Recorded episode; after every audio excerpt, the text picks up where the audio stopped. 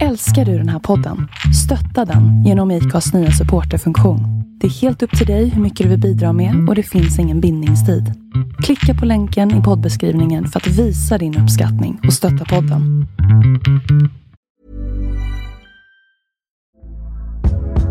Hey there, it's Michelle Norris. I'm host of a podcast called Your Mama's Kitchen. When I travel, I'm usually looking for a way to find a taste of home when I'm not at home. And one of the things I love to do when I am at home is entertain. And Airbnb allows me to do that. When I was in California recently, I rented a house that had a great kitchen. And when we were sitting around the table, we're all thinking, we're in someone else's house. Someone could be in all of our homes as well. If you have a home, but you're not always at home, you have an Airbnb. Your home might be worth more than you think. Find out how much at airbnb.com/slash host.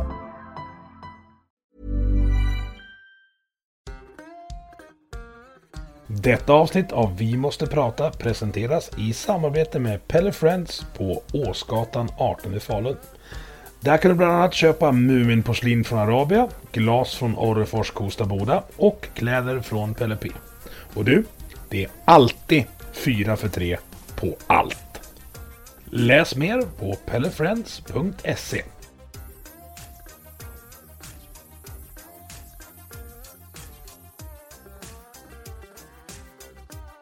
Alltså Zencaster producerar det där och kör limiter själv. Ja, okej. Jag, jag puttar bara ut. Och vi spelar in nu som du märker. Ja, men vad trevligt. Ja. Du, du, varje gång jag är med en göteborgare så måste jag fråga vilket fotbollslag människan håller på.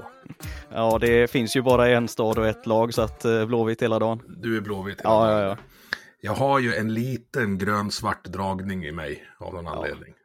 Nej, men det, det, man måste ha något karaktärsfel liksom. Det, det går inte att vara perfekt. Det så, så är det enkelt är det. Nej, så är det. Men eh, som sagt, fotboll är ju en... Eh, så här, jag kommer från Leksand. Det är inte så mycket fotboll. Det är mest hockey. Ja, Men det blir ju lätt så. Så här är det. Eh, det här är nog den minst förberedda podden jag har spelat in i den här serien. För jag har bara liksom hittat dig på Twitter och tyckte att den där människan verkar ju vettig. Och så går jag in och tittar på dig. Och så är du vänsterpartist. Ja. Så det är ju motsägelsefullt liksom. Ja, i min värld så är det ju lite så.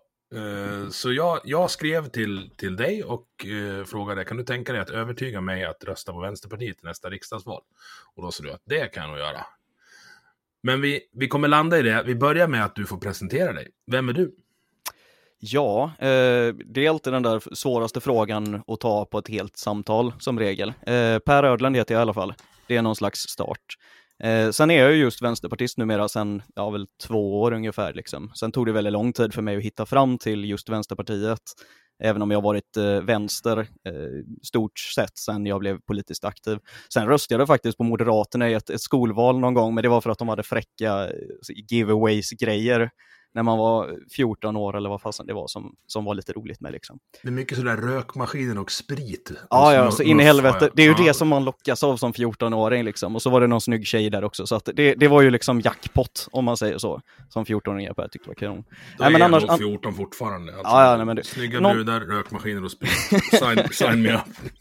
Alltså någonstans, de där grejerna kan man ju uppskatta hela livet liksom. Det, Ja. det finns ju vissa sådana grejer som kan gå igen och som man kan få vara kvar liksom. Jag är väldigt glad nu sen jag har fått en massa ungar att man kan få börja liksom läsa Petson och Findus igen och leka med lego och sådana grejer. Det är, det är väldigt härligt det där när man får göra det man egentligen vill göra och liksom ha, gör det legitimt. Mm. Det är gött. Nej, men man kan väl säga annars, för att snabbsummera mig, så har jag en liten firma som sysslar med podd, eh, sysslat med film, skrev klart en bok precis och håller på att vänta på mina refuseringsbrev. Eh, sen har jag sålt saker hela mitt liv i stort sett, så att jobba som säljare för att få runt hela den här cirkusen. Och sen så är det ju eh, så mycket politik och, och familj och, och grejer som, som hinns med. Liksom. Det är väl någon slags summering tror jag. Och som folk hör så är du från Göteborg. Vad är det, Ja. för, års, vad är det för årsmodell på dig? 89 så är jag klar med, med några dagars marginal från att, att bli 90-talist. Så det, Mm. det är ju jävligt skönt, måste jag Jag har, säga. jag har samma eh, grej fast 80-talist. Jag, Ah, är ja. Jag har 38 dagars 70-tal i mig. Ja, men det är lite groovy ändå. Ja, det finns lite så här velour och, och eh, någon så här vindfångare någonstans som jag säkert kan relatera till. Ja, det låter bra. Men du, Ja. eh, politiskt aktiv länge sa du. Mm. Berätta. Eh, alltså mitt engagemang började väl någonstans eh, ja, precis efter att jag hade röstat Moderaterna i, i skolvalet. När jag kom hem med moderatgrejerna till, till morsan liksom som och la dem på köksbordet och hon är ju liksom ärrare, eh, alltså kommunist. Eh, så hon tyckte ju inte det var kanonkul liksom. Så hon spände ju blicken i mig och liksom sa, nej nu får du, nu får du sätta dig in i grejer och ting. Så hon, hon, skickade mig på lite partikompasser och sånt där liksom som hon har hittat. Och så satt vi och snackade en stund. Eh, sen landade jag väl inte direkt i att liksom, så här, vi hoppar på R nu istället. Liksom. Det var inte riktigt, det har väl aldrig riktigt varit min låda. Men, men eh, på den vägen så blev jag väl mer och mer intresserad. Och redan innan dess hade jag väl börjat tycka det var kul med historia och samhälle och sådana grejer. Och så var det ju samklang det här med att ja, men Nationaldemokraterna och Sverigedemokraterna gick isär. Eh, och det var mycket liksom fokus på, på nynazism och, och, och sådana grejer. Och, och jag bodde ju då i en, en eh, stad, eller jag bodde utanför Alingsås, och, som hade mycket nynazister. Så det låg liksom nära till hans eh, att det blev någon slags antirasistiskt engagemang som jag grundade i. Jag hade någon föredrag för, för skolan och sånt där, liksom med olika nynazistiska symboler och sånt. Eh, så att, ja, nej, det var någonstans där det började och sen har det bara utvecklats och, och blivit mer och mindre Che Guevara under åren och, och sådär om man säger så tänker på det du sa, hist historiskt intresserad. Uh. Nu vart ju inte du R, just, just självklarheten du säger ärrare med, som att det vet alla vad det är. Ja, det är alltså marxist-kommunistiska kommunistiska partiet Revolutionärerna. Uh, alla de där spretiga uppdelningarna som, som man har hållit på med, ju längre ut på vänsterkanten, ju mer är de. Uh, så är det ju liksom, men, men det är helt enkelt kommunistpartiet idag. Den, alltså den, eh, det där med långst på vänsterkanten och bokstavskombinationer, alltså det är ju verkligen som i Monty Python-sketchen där, vad jag ja. förstår. Nej men lite så är det ju. Det, knatten var ju stor när jag var liten också. Liksom. Och det, det, han säger väl också där någonstans att äh, det var en eh, politisk satirkatt liksom, som drev ja. med, med politik. Eh, och han hade väl någon harang om att liksom, så här, men, vänsterrörelsen är som amöbor. Liksom. Det, det är de encelliga organismer som bara multiplicerar sig och förökar sig och hittar på nya namn. Liksom. Så det, det, lite ligger väl i det. För det, det är rätt att det blir schismer, liksom, om man säger så. Du sa att du varit historiskt intresserad. Mm. Hur, eh, när du då läste om eh, de relativt många misslyckade försöken till att implementera full kommunism, hur eh, diskuterade du det med din mor som var, då var revolutionär? Alltså man kan väl säga så här att, att beroende på vad man lägger i begreppet kommunism så kan man ju kalla egentligen ganska många stater som inte har varit direkt kommunistiska för kommunism. Så det är alltid, det är alltid en definitionsfråga, för pratar vi ideologiskt så är kommunism en sak. Pratar vi stater som har kallat sig för kommunistiska så är det någonting annat. Det är bara att kolla på Nordkorea idag till exempel. De heter ju både kommunist och att de är en demokrati och det är kanske inte sådär vare sig mycket, speciellt mycket kommunism eller demokrati om man ska liksom kolla på det rent ideologiskt eller för den delen rent praktiskt. Liksom. Så det är väl någonstans där som man också får göra en, en distinktion och, och, en särskillnad. Det är ju som att folk kallar Sverigedemokraterna för fascistiskt idag. Det är ju, det är ju direkt felaktigt, för det är inte fascistiskt. Att det finns fascister, rasister, så, diverse i partiet, precis som det finns kommunister i, i Vänsterpartiet, det gör det ju.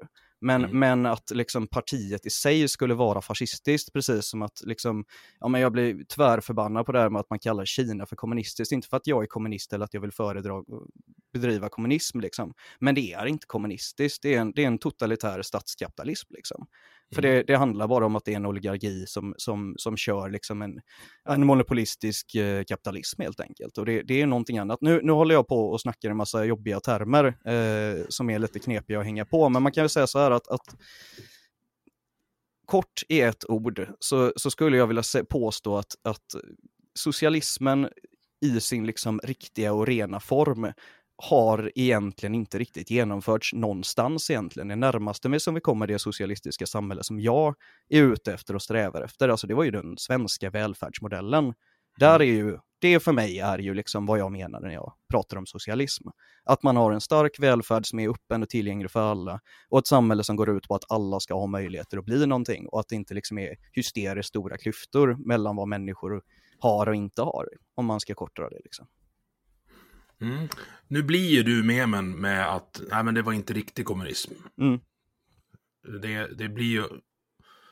Det får man ju oftast, alltså Venezuela är väl det mest uppenbara exemplet på senare tid. Att ett, ett av världens mest naturtillgångsrika länder eh, rivs sönder av Ja, men sen får man ju se, liksom. man kan väl säga så här att man, man får ju se det med gråskaleglasögon, för absolut finns det grejer i Venezuela som inte är kanonkul, definitivt. Men det är också ett land som har levt under blockad nu de senaste, vad är det, 15 åren och sånt där Mm. liksom. Och samma Där hamnar med- man ju i sån här hönan och ägget Ja, alltså eh, liksom vad, vad är det som föder det ena? Och sen har vi liksom många länder som man liksom, som man kollar hur dåligt ekonomiskt det går för dem. Ja, men de är ju tvärfattiga. Alltså det är någonstans, det, det spelar ingen roll vilket politiskt system de har eller om, det enda som hade liksom räddat dem, det hade ju varit om hela världen går in och bara, nej men nu ger vi dem asmycket pengar på kort tid. Så jag tror inte det funkar heller. Nej, det gör det Eh, definitivt inte, men, men jag tänker mer om man liksom skulle ha någon sån här snabb hysterisk vändning liksom på det hela. Eh, nej, jag, jag känner någonstans att det finns ju liksom, visst det finns eh, socialistiska experiment historiskt som absolut inte har funkat, men det finns också en jäkla massa kapitalistiska experiment som, som definitivt inte har fungerat. Och, och jag skulle väl vilja hävda att om man kollar på det i stort så, så fungerar ju inte det kapitalistiska samhället generellt någonstans, utan det, liksom, det finns ju en, en stor arbetslöshet, det finns en extremt stor fattigdom i världen idag. Jag menar, liksom, vi har en pandemi som håller på och går igång fortsättningsvis bara för att vi har en massa läkemedelsföretag som sitter och trycker på patent istället för att vi skulle kunna vaccinera hela världen imorgon om vi hade velat. Men fattigdomen, är inte den på undan, alltså eh, om man kollar Hans Roslings gamla, alltså den, Mm. den sista han gjorde, så pratar om att vi lyfter 100 000 människor ur fattigdom i veckan Mm. i tredje världen just nu. Då är det ju frågan, vad definierar man som fattigdom liksom? Ja, och, det är ju, och vad är där- det, en dollar per dag eller något Ja, sånt. precis. Alltså det, Ja. det, någonstans så blir det ju liksom så här att det är klart att man kan säga, beroende på vart man drar gränsen, att det går jäkligt bra och det går jäkligt fint och hej och, Men det som man får göra som, som någon slags liksom definition, är du fattig eller inte, är ju, har du någonstans att bo? Har du någonting att äta? Har du tillgång till grundläggande välfärd, sjukvård, you name it, skola, möjligheter till framtiden liksom. Och Mm. där här vi ju inte i någonstans i närheten att ha ett rimligt samhälle, skulle inte jag säga, egentligen i, i något land liksom, utan det, det är alla länder har ju ett jätteproblem. Det är bara att kolla på Sverige liksom. Om vi kollar på utvecklingen sen vi liksom just övergav den svenska välfärdsmodellen i mitten på 80-talet, så har vi gått från en arbetslöshet som låg stadigt liksom runt en och en halv, kanske uppe två, nere på en procent till att liksom ha runt åtta idag. Jag menar, det är en jävla massa människor som, som hamnar utanför samhället och som liksom inte riktigt, ja, som inte har tillgång till det på samma sätt som vi som jobbar.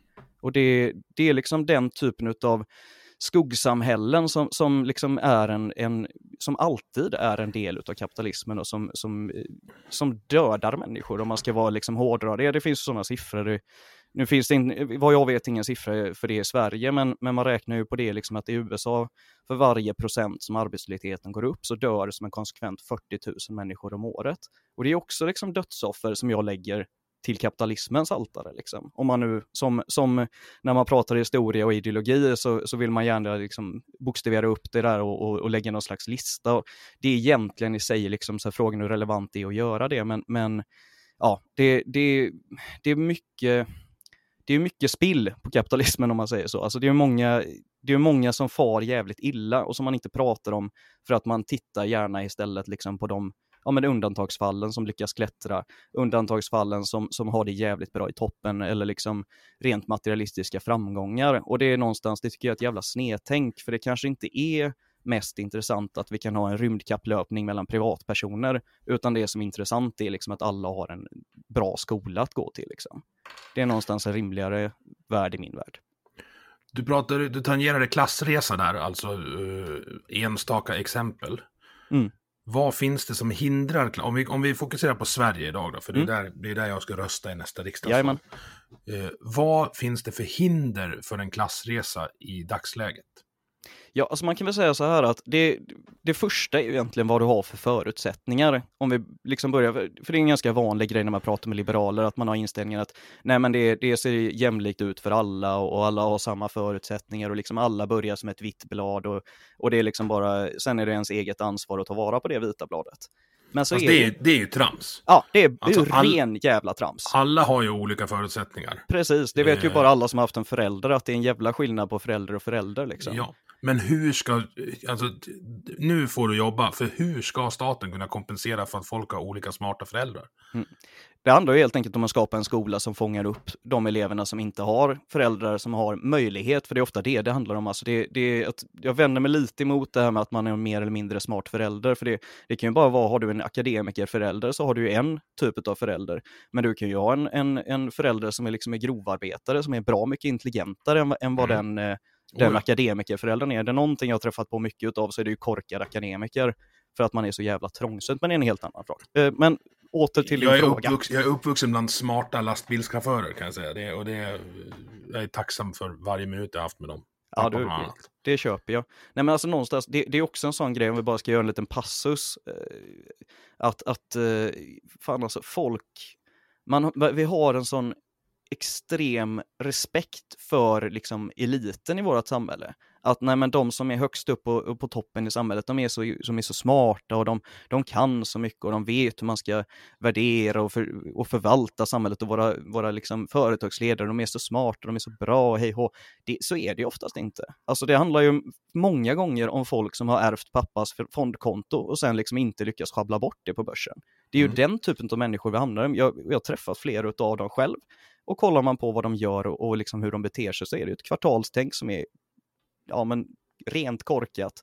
Eh, och sen så är det inte så jävla häftigt. Så att liksom så här, samtidigt som du har folk i andra änden på skadan som, som, som liksom jobbar med att städa toaletter, men som hade kunnat liksom skriva Nobelprislitteratur om de bara hade fått chansen. Så att det, det är liksom det här med att man är korkad när man är, när man är en viss typ av yrkesgrupp eller för att man just har en typ av föräldrar eller så här, det, det är någonting som som är ett samhällsproblem skulle jag säga. Liksom. Att vi, vi har en, en särskillnad på ja, men en värdering i, i människor beroende på, på var de är och, och, och, och liksom vem de är istället för hur de är. Som kanske är det man borde eh, värdera människor ut efter.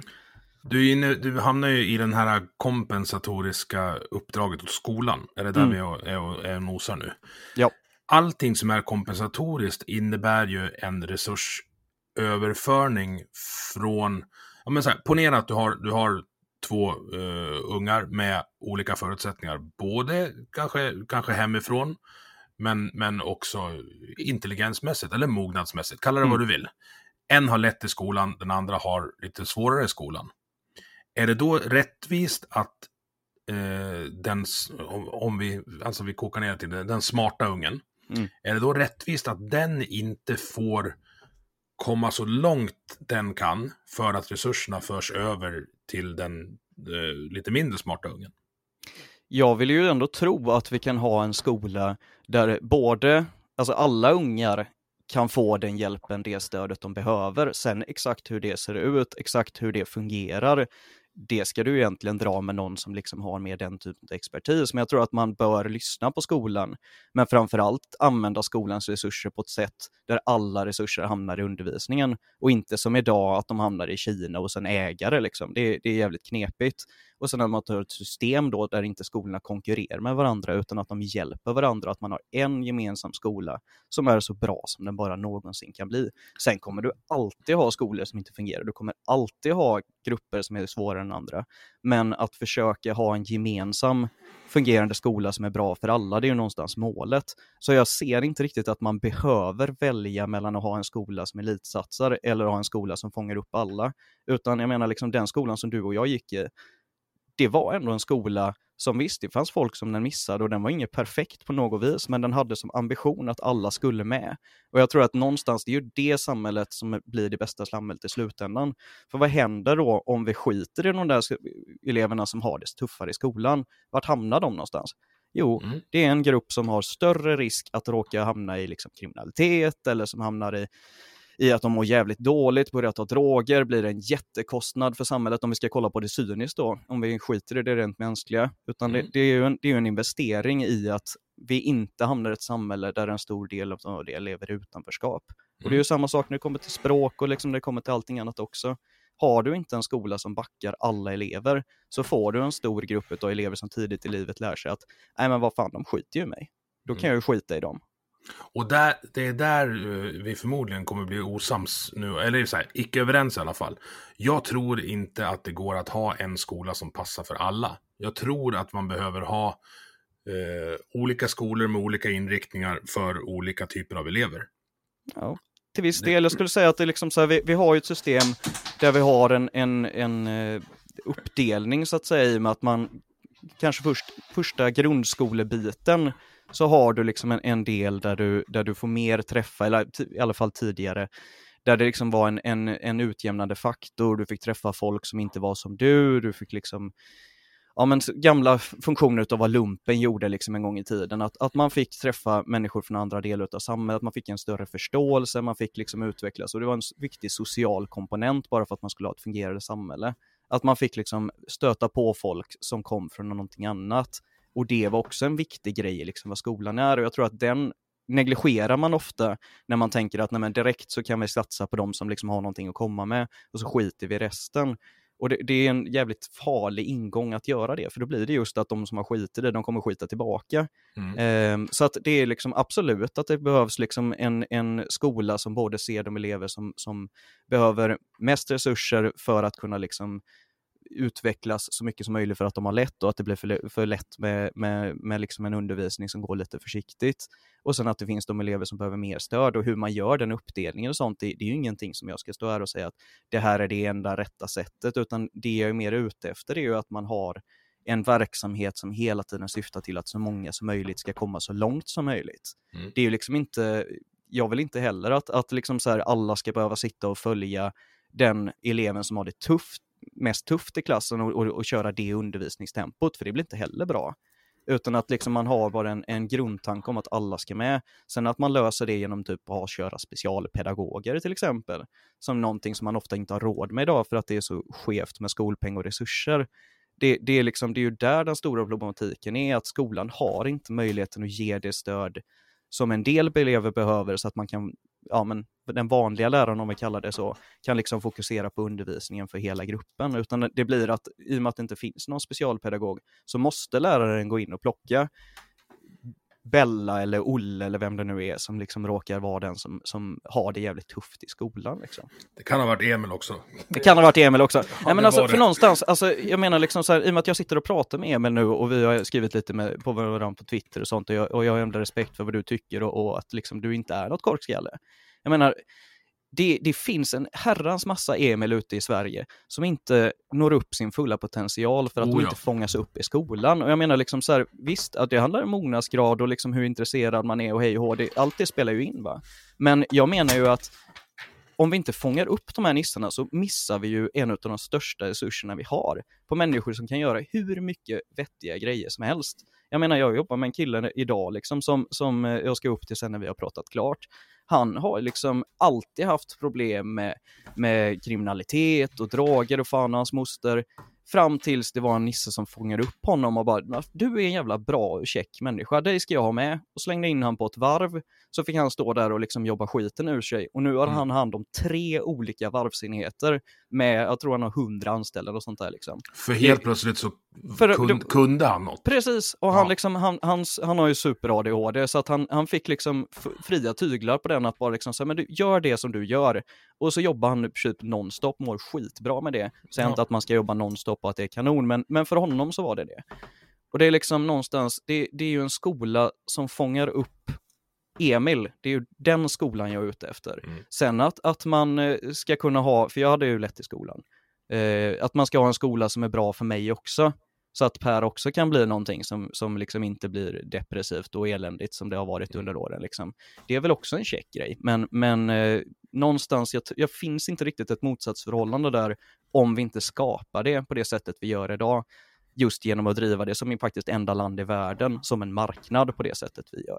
Ja, Chile också va, tror jag. Ja, men de har backat. ja, vad bra. De har ju backat, de har insett att liksom, ja, men det, här var ju ingen, det här var ingen kul grej. Så de har ju liksom eh, gått tillbaka. Men vi, det är ju den här svenska grejen. Vi, man brukar ju snacka det här om att Sverige är så himla försiktigt och, och vi, vi liksom gör ingenting ordentligt och vi, vi tar det lite lugnt. Så är det inte. Utan när vi nej, gör nej. saker, då sparkar vi in hela dörren, slänger in dynamitgubbe och sen liksom kör vi. Alltså om man kollar på det här World Value Survey så är ju vi, vi måste, svenskar måste förstå att vi bor i ett extremt land. Mm.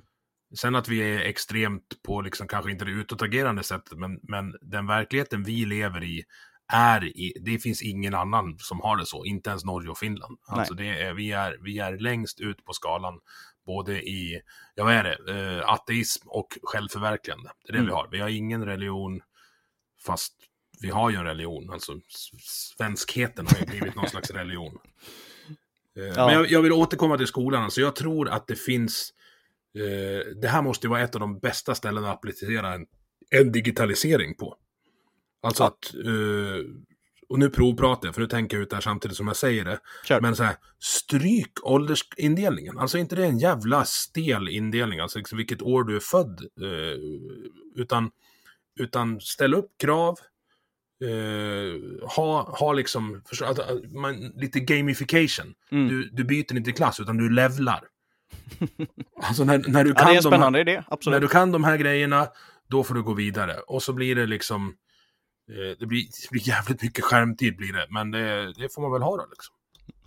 Nej, men det kan definitivt vara någonting. Och, och, jag tror att det som man inte får vara rädd på, även om jag pratar om en skola och att det ska vara en jämlik skola, att den skolan kan se olika ut rent praktiskt, det, är liksom, det gör ju ingenting. Och det är inte det jag är ute och far efter, utan att, att man ser ett sätt som kan fånga, det kan ju just vara ett sätt att fånga upp de som inte har lätt för liksom den vanliga katederundervisningen, men jag tror samtidigt att liksom så här, man får nog vara försiktig med hur stora växlar man drar när det kommer till att experimentera med undervisning. Mm. Så att man liksom inte hamnar ut i ett land liksom där folk sitter och spelar World of Warcraft dagen ända, som det var ett par gymnasier som, som tillät sina elever att göra. För det tror jag inte heller att man har liksom speciellt mycket nytta av om man kollar liksom på resten av livet. Om man inte ska bli då en, en jag har ju två kompisar nu tror jag som försörjer sig på att snacka om, om, eh, ja, om data, när de spelar dataspel, men, men det är ju frågan hur de nu är det kreativa jävlar som lär nog klara sig även efter den tränaren har dött, men, men om den nu gör det. Men eh, det är ju liksom bara så länge man har någon slags intelligens i hur man testar olika former av pedagogik så tror jag att man ska absolut inte vara försiktig med att göra det. Och det kan väl vara jätterelevant även i en skola där det finns liksom, ja men det är en skola, att det finns kooperativ, att det finns andra typer av pedagogiska inriktningar för de föräldrarna som tror på, på dem av olika anledningar. Liksom. Um, så att det behöver ju inte liksom vara en motsats där heller, utan att det kan ju finnas en, så länge det är en skola med en bred undervisning, då är vi ju hemma va.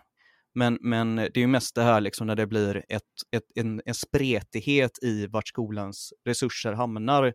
Mm. Eh, och vi har den situationen idag liksom där det är en en stor andel obehöriga lärare, inget fel på att vara obehörig lärare, en del av dem är våra bästa lärare, men att de kanske skulle kunna få en behörighet eh, betald av staten till exempel istället. Eller liksom att man gör ett, en, en sån grej för att fånga upp dem och få in dem eh, så att de har ännu bättre pedagogik än vad de har. Alltså det, att man tittar på helt enkelt hur man ska kunna få det systemet vi har till att bli det bästa systemet som möjligt. Och då att man, att man ser över hela systemet med skolpeng, så att man inte har ett system där de kommunala skolorna ja, jag vet inte, ska jag dra det lite hastigt och lustigt för hur det funkar eller det vi utgå ifrån att folk har koll? Nej, dra det.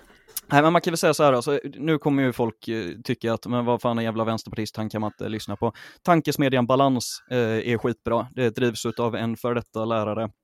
Eh, tyvärr miljöpartist, men det, det får man ju liksom förbise.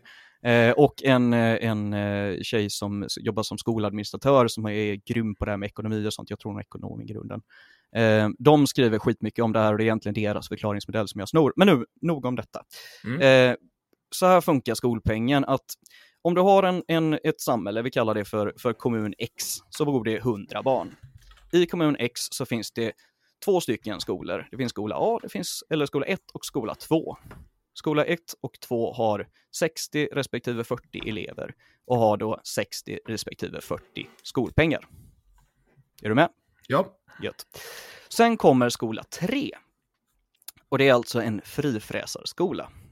Så friskolan eller privatskolan som jag egentligen hellre kallar den för, eh, hoppar in då i kommunen och har sina 20 eh, platser öppna för elever. Vilket leder då till att 20 elever från skola 1 och 2 hoppar över i skola 3. Problemet är ju bara då, för man tänker att ah, men vad käckt, då, då, har ju, då har ju alla samma finansiering som de har haft innan, i och med att de har samma elevunderlag och hej och hå. Problemet är ju bara att skola 1 och 2 måste hålla platserna öppna ifall skola 3 kapsejsar. Så att de måste alltså driva samma verksamhet som när de hade 60 respektive 40 skolpengar. som nu då när de har 40 respektive 30 skolpengar då. Va? Ja, nu blir det fel i matematiken, 45 respektive 35 skolpengar som de har efter att de här eleverna har dröjt över för att vara den kompensatoriska faktorn då ifall skola 3 går omkull. Mm. Ja. Så att helt enkelt, de måste ha kvar samma antal lärare, samma lokaler, samma allting som kostar mycket pengar, varpå de måste göra det med mindre pengar och det, det, kan ju vem som helst räkna ut att ska du baka bullar, samma mängd bullar med mindre mjöl, så då blir det inte lika bra bullar liksom. Ja. Sen har vi dessutom då en faktor som gör att skola 1 och 2 måste även tillgodogöra och ha platser över för inflyttning, för eh, ja, men om det kommer migranter till, till, eh, till kommunen, om det kommer liksom, ja, men nya barn som föds. Man måste hela tiden ha ett överskott på platser, vilket skola 3 då, privatskolan, inte behöver ha. Och de behöver inte ha någon täckning för andra privatskolor som kan gå omkull, utan de kan ju när som helst bara, nej men nu, nu skippar vi in markerna och drar liksom. Och det måste hela tiden alla andra skolor verka till.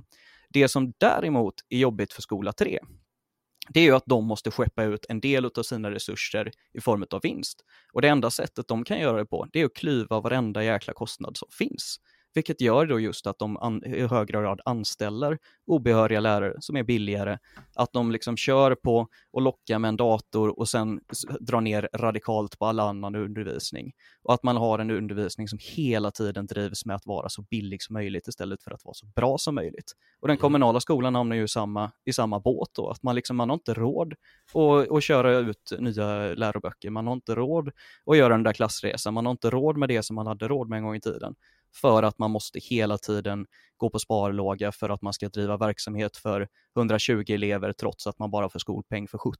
Så det, det är ju där är ju det stora problemet med, grund, med skolpengen, att man har man har en utarmning av skolans resurser och en omfördelning och en snedfördelning som blir jävligt knasig. Det är ju därför mm. vi har så dåligt med, med specialpedagoger och, och, och liksom hjälplärare och stödlärare och extra resurser i skolan. Och det, det, det är ju, skulle jag ju vilja hävda om vi då ska bolla över det i någonting annat, det är ju en stor anledning till varför vi har fått en, en ökad gängbrottslighet och liksom varför vi har en, ett allt större skuggsamhälle i Sverige och svårt med integration och sådana grejer för att, för att vi inte har möjlighet att fånga upp och, och, visa liksom ett starkt samhälle och vad det är egentligen som är man ska, man ska kämpa och anstränga sig för. Liksom.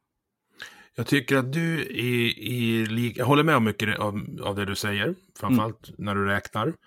Men en faktor i den här ekvationen som jag tycker att, att eh, om, jag får, om jag får klumpa ihop ni på vänsterkanten of, ofta glömmer bort att, att räkna med, det är varför springer det ut elever från de kommunala skolorna så fort de på något vis kan när ett alternativ öppnar sig. Det är ju inget bra betyg till de kommunala verksamheterna. Nej, och många gånger så, så alltså det finns ju en mängd olika faktorer till varför det är och, och är ren, många av dem är ju rent spekulativa så att jag gissar vad, vad det beror på. Men jag skulle vilja säga att en, en stor andel anledning till varför man gör det är ju för att ja, men man har en grupp föräldrar, just nu är vi tillbaka i det där med förutsättningen, men du har en grupp föräldrar som kanske har mer möjlighet att engagera sig. Och de är då måna om att få det upp, i och med att det har varit mycket snack om att privatskolorna är så jäkla mycket bättre, så blir det direkt, aha, men då, ja det är förspänt på den skolan, eh, och, och då måste ju mitt barn gå där också. Och då har du från början ett urval av de elever som har bäst förspänt hemifrån och det är oftast de eleverna som har enklast i skolan. Så du har en urvalsgrupp elever som är den enklaste gruppen att ta hand om. Så även fast du har men kanske minst resurser egentligen och, och liksom i form av lärare, undervisning, material och sådana grejer, så funkar det ändå. För att har du en klass som bara består av Per, så är det ganska enkelt att bedriva undervisning för Per vill vara i skolan. Han tycker mm. det är mm. kul och han har lätt för det. Så det är klart att de skolorna kommer att bli mer ja, i och med att vi har det här skolvalet så ska jag säga att det är ju den stora egentligen faktorn till varför vi har den här problematiken överhuvudtaget. Att man har möjlighet för de eleverna med de resursstarkaste föräldrarna eller, eller de eleverna som är resursstarkast genom att de har de föräldrarna de har eh, så kommer de att putta in dem på de här skolorna, vilket skapar enklare skolor eller enklare klasser som, som, som, har, liksom, ja, som har betydligt mer förspänt på att kunna ta, sig, ta till sig undervisningen till stor del själv. Liksom. Men de människorna då, så, eller de ungarna som kommer ut ur de skolorna, som har haft det lätt och som liksom har kunnat gått i en relativt friktionsfri skolmiljö, mm. eh, bra betyg och förmodligen har lärt sig ganska mycket eh, då. De kommer ju, om man extrapolerar deras eh, vad ska jag säga, framtida yrkesval och ekonomiska status, de kommer ju bli eh, de kommer betala in ganska mycket skatt om man, om man tar dem på, på gruppnivå Mm. till det här systemet. Är inte det bra då? Det är absolut, alltså någonstans, man får, man får ju aldrig, jag ska ju aldrig snacka ner att, att det finns privatskolor som är skitbra, där man lär sig grejer och som har jättebra lärare och liksom alltså, någonstans, det, det är ju en av de finaste resurserna vi har, att vi har så jäkla bra lärare framför allt som vi har, även om de inte har de bästa förutsättningarna. Så det är klart att det finns, finns många elever som går igenom skolsystemet och som sen bidrar till samhället så som det ser ut idag. Det är väl en jävla tur det. Men någonstans, det hade de gjort ändå. Och framförallt så hade de kunnat dra, hjälpa till att vara med i ett system som hade dragit med fler upp till att kunna betala skatt, att kunna vara liksom en, en resurs och att vara någonting som är tär, nyttjande istället för tärande till samhället. Liksom. Och det är ju Mm. någonstans där som är min intressanta avgångspunkt, det är, liksom, det är ju sista raden om vi ska prata ekonomitermer. För absolut att vi har en grupp då som blir väldigt, väldigt inkomstbringande för samhället. Så är det ju. Men samtidigt så får vi, skapar vi med det här systemet en grupp som är väldigt tärande. Och då är ju frågan liksom, vilket system skapar ja, men, en, en, den största gruppen närande människor? Och där tycker jag väl att det är ganska, ganska givet, om vi kollar liksom på hur samhällsutvecklingen ser ut, att det är inte det systemet vi har idag. Alltså det här systemet där vi elitsatsar, utan det, det är, en, det är liksom en, en knasig grej. Skulle jag säga. Mm. Det blir ju liksom en elitsatsning längre fram i, eh, om man gör en akademisk eh, liksom resa. Ju längre, ju längre upp i åldern du kommer, desto större valfrihet och mer specialisering blir det ju. Alltså du får välja mer när du kommer till universitetet. Så du kan ju Mm. nörda ner dig på liksom en, en liten, liten, liten eh, nisch Mm. någonstans. Skulle det behöva tidigare läggas eller senare läggas? Och här har jag liksom inget svar själv. Nej. För, för jag vet ju när jag valde gymnasium, vad, vad är man då? 13, 14? Det är Eh, ganska, 15-16 va? ja, men det är ett ganska stort beslut Mm. att ta för någon som precis fått hår på pungen. Ja, nej men lite så. Lite så. Och det är någonstans, man är ju inte mogen i den åldern att fatta beslut som kommer påverka resten av ditt liv. De allra flesta är i alla fall inte det. Sen finns det såklart undantagsfall som är... Jag är skeptisk till och med det nu. Liksom. Ja, nej, men 40. någonstans, alltså det, det är liksom, och det är väl där som jag blir då ännu mer irriterad på det systemet vi har idag, där man liksom stänger ner komvuxutbildning med komvuxutbildning och möjligheten att vidareutbilda sig som vuxen och sen då reparera att du hade ett, ja men förutsättningar eller bara var rent ointresserad när du var liten, alltså att, att man inte ska kunna liksom komma tillbaka senare i livet. Det är, det är ju hål i huvudet va? För att då är det ytterligare en grupp med människor som, som går och släpar på jobb som, som de liksom gör halvhjärtat för att de är alldeles för de är alldeles för, för, för liksom, ja men de får inget ut någonting utav det. För att de, de är understimulerade på sina arbeten. Och det är ju någonstans det som jag menar, för du, du frågade mig om vi ska återgå till frågorna, jag känner att jag pratar bara runt frågan. hela Nej, kör. Ja, det är, det är den där sprungande politikern i mig som bara vill prata om det som han vill prata om och inte svara på frågor. Blink, blink, jag ska försöka att skärpa mig där. Eh, nej, men, men eh, för att, att svara på din fråga, så jag tror att man ska försöka senare lägga alla sådana beslut så möjligt, så mycket som möjligt och att liksom ha en gymnasieskola där oavsett linje så kan du plugga vidare om du vill. Sen ska inte alla plugga vidare och man ska inte vara mer värd för att man pluggar vidare och det är liksom inte det som är målet. Men att alla har förutsättningen att kunna bli sjuksköterska eller något annat akademiker eller bli bibliotekarie eller någonting sånt här som vi liksom verkligen behöver. Fast Eh. där, där måste jag verkligen säga emot dig. För just, just den här högskoleförberedande delen av att kravet att allting ska vara högskoleförberedande på gymnasiet. Det är där jag tror du tappar eh, många av dem. Ja, men som din varvsarbetare ADHD-kille där. Mm. Eh, de, du kommer aldrig få dem att... att Då vill jag, då vill jag rädda upp detta Ja. genom att säga att, att du kan ha linjer som inte är högskoleförberedande, men där du lägger grunden för att du sen ska kunna liksom köra en, en komvuxkurs och Precis, alltså det, be, det behövs ett eh, Absolut. motsvarande tekniskt basår på komvux. Exakt. För ett, en sån grej hade jag velat gjort nu. Ja, och det, alltså det är någonstans... 40 där- känner jag att nu är, nu är jag redo för att sätta mig och plugga ett år för att, att kunna ta en akademisk examen.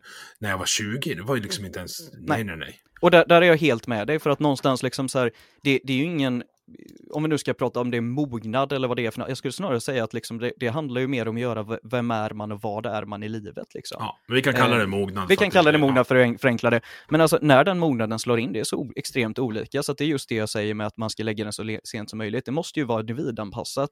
När, det kan vi inte gå på en hel, hel jävla samhälle, bara att ah, när man är 13 då ska man veta exakt vad som ska vara resten av livet. Nej, ah, nej det funkar inte. Utan då måste vi ha ett samhälle som hela tiden erbjuder nya dörrar in liksom på att, ja men vill du, här, inte för att alla ska, ska liksom bli någon jävla ingenjör, det är ju inte målet. Men att alla ska ha möjlighet att bli ingenjör hela livet i stort sett. Mm. Det är ju någonting, det är ju ett samhälle som jag verkligen tror på. Och det är för mig ju liksom, det är ju det bästa, det är ju det bästa samhället. Ett samhälle som är öppet och där du liksom just kan, kan om, om du vill, eh, så kan du liksom ta dig dit du vill egentligen. Jag kan rekommendera alla att lyssna på avsnitt 27 med Agneta Ljungberg som när hon var typ, var hon 42, bestämde sig för att nej men jag ska nog bli psykolog. Det är coolt. Ja, det är så jävla coolt. Hon kanske är coolt. världens coolaste människa under 1,50 också kan jag säga. Är... Korta men... människor är bra människor, säger jag som kort människa. Är, ja, är du mm. kort? Jajamän, eh, och ståtliga 1,72.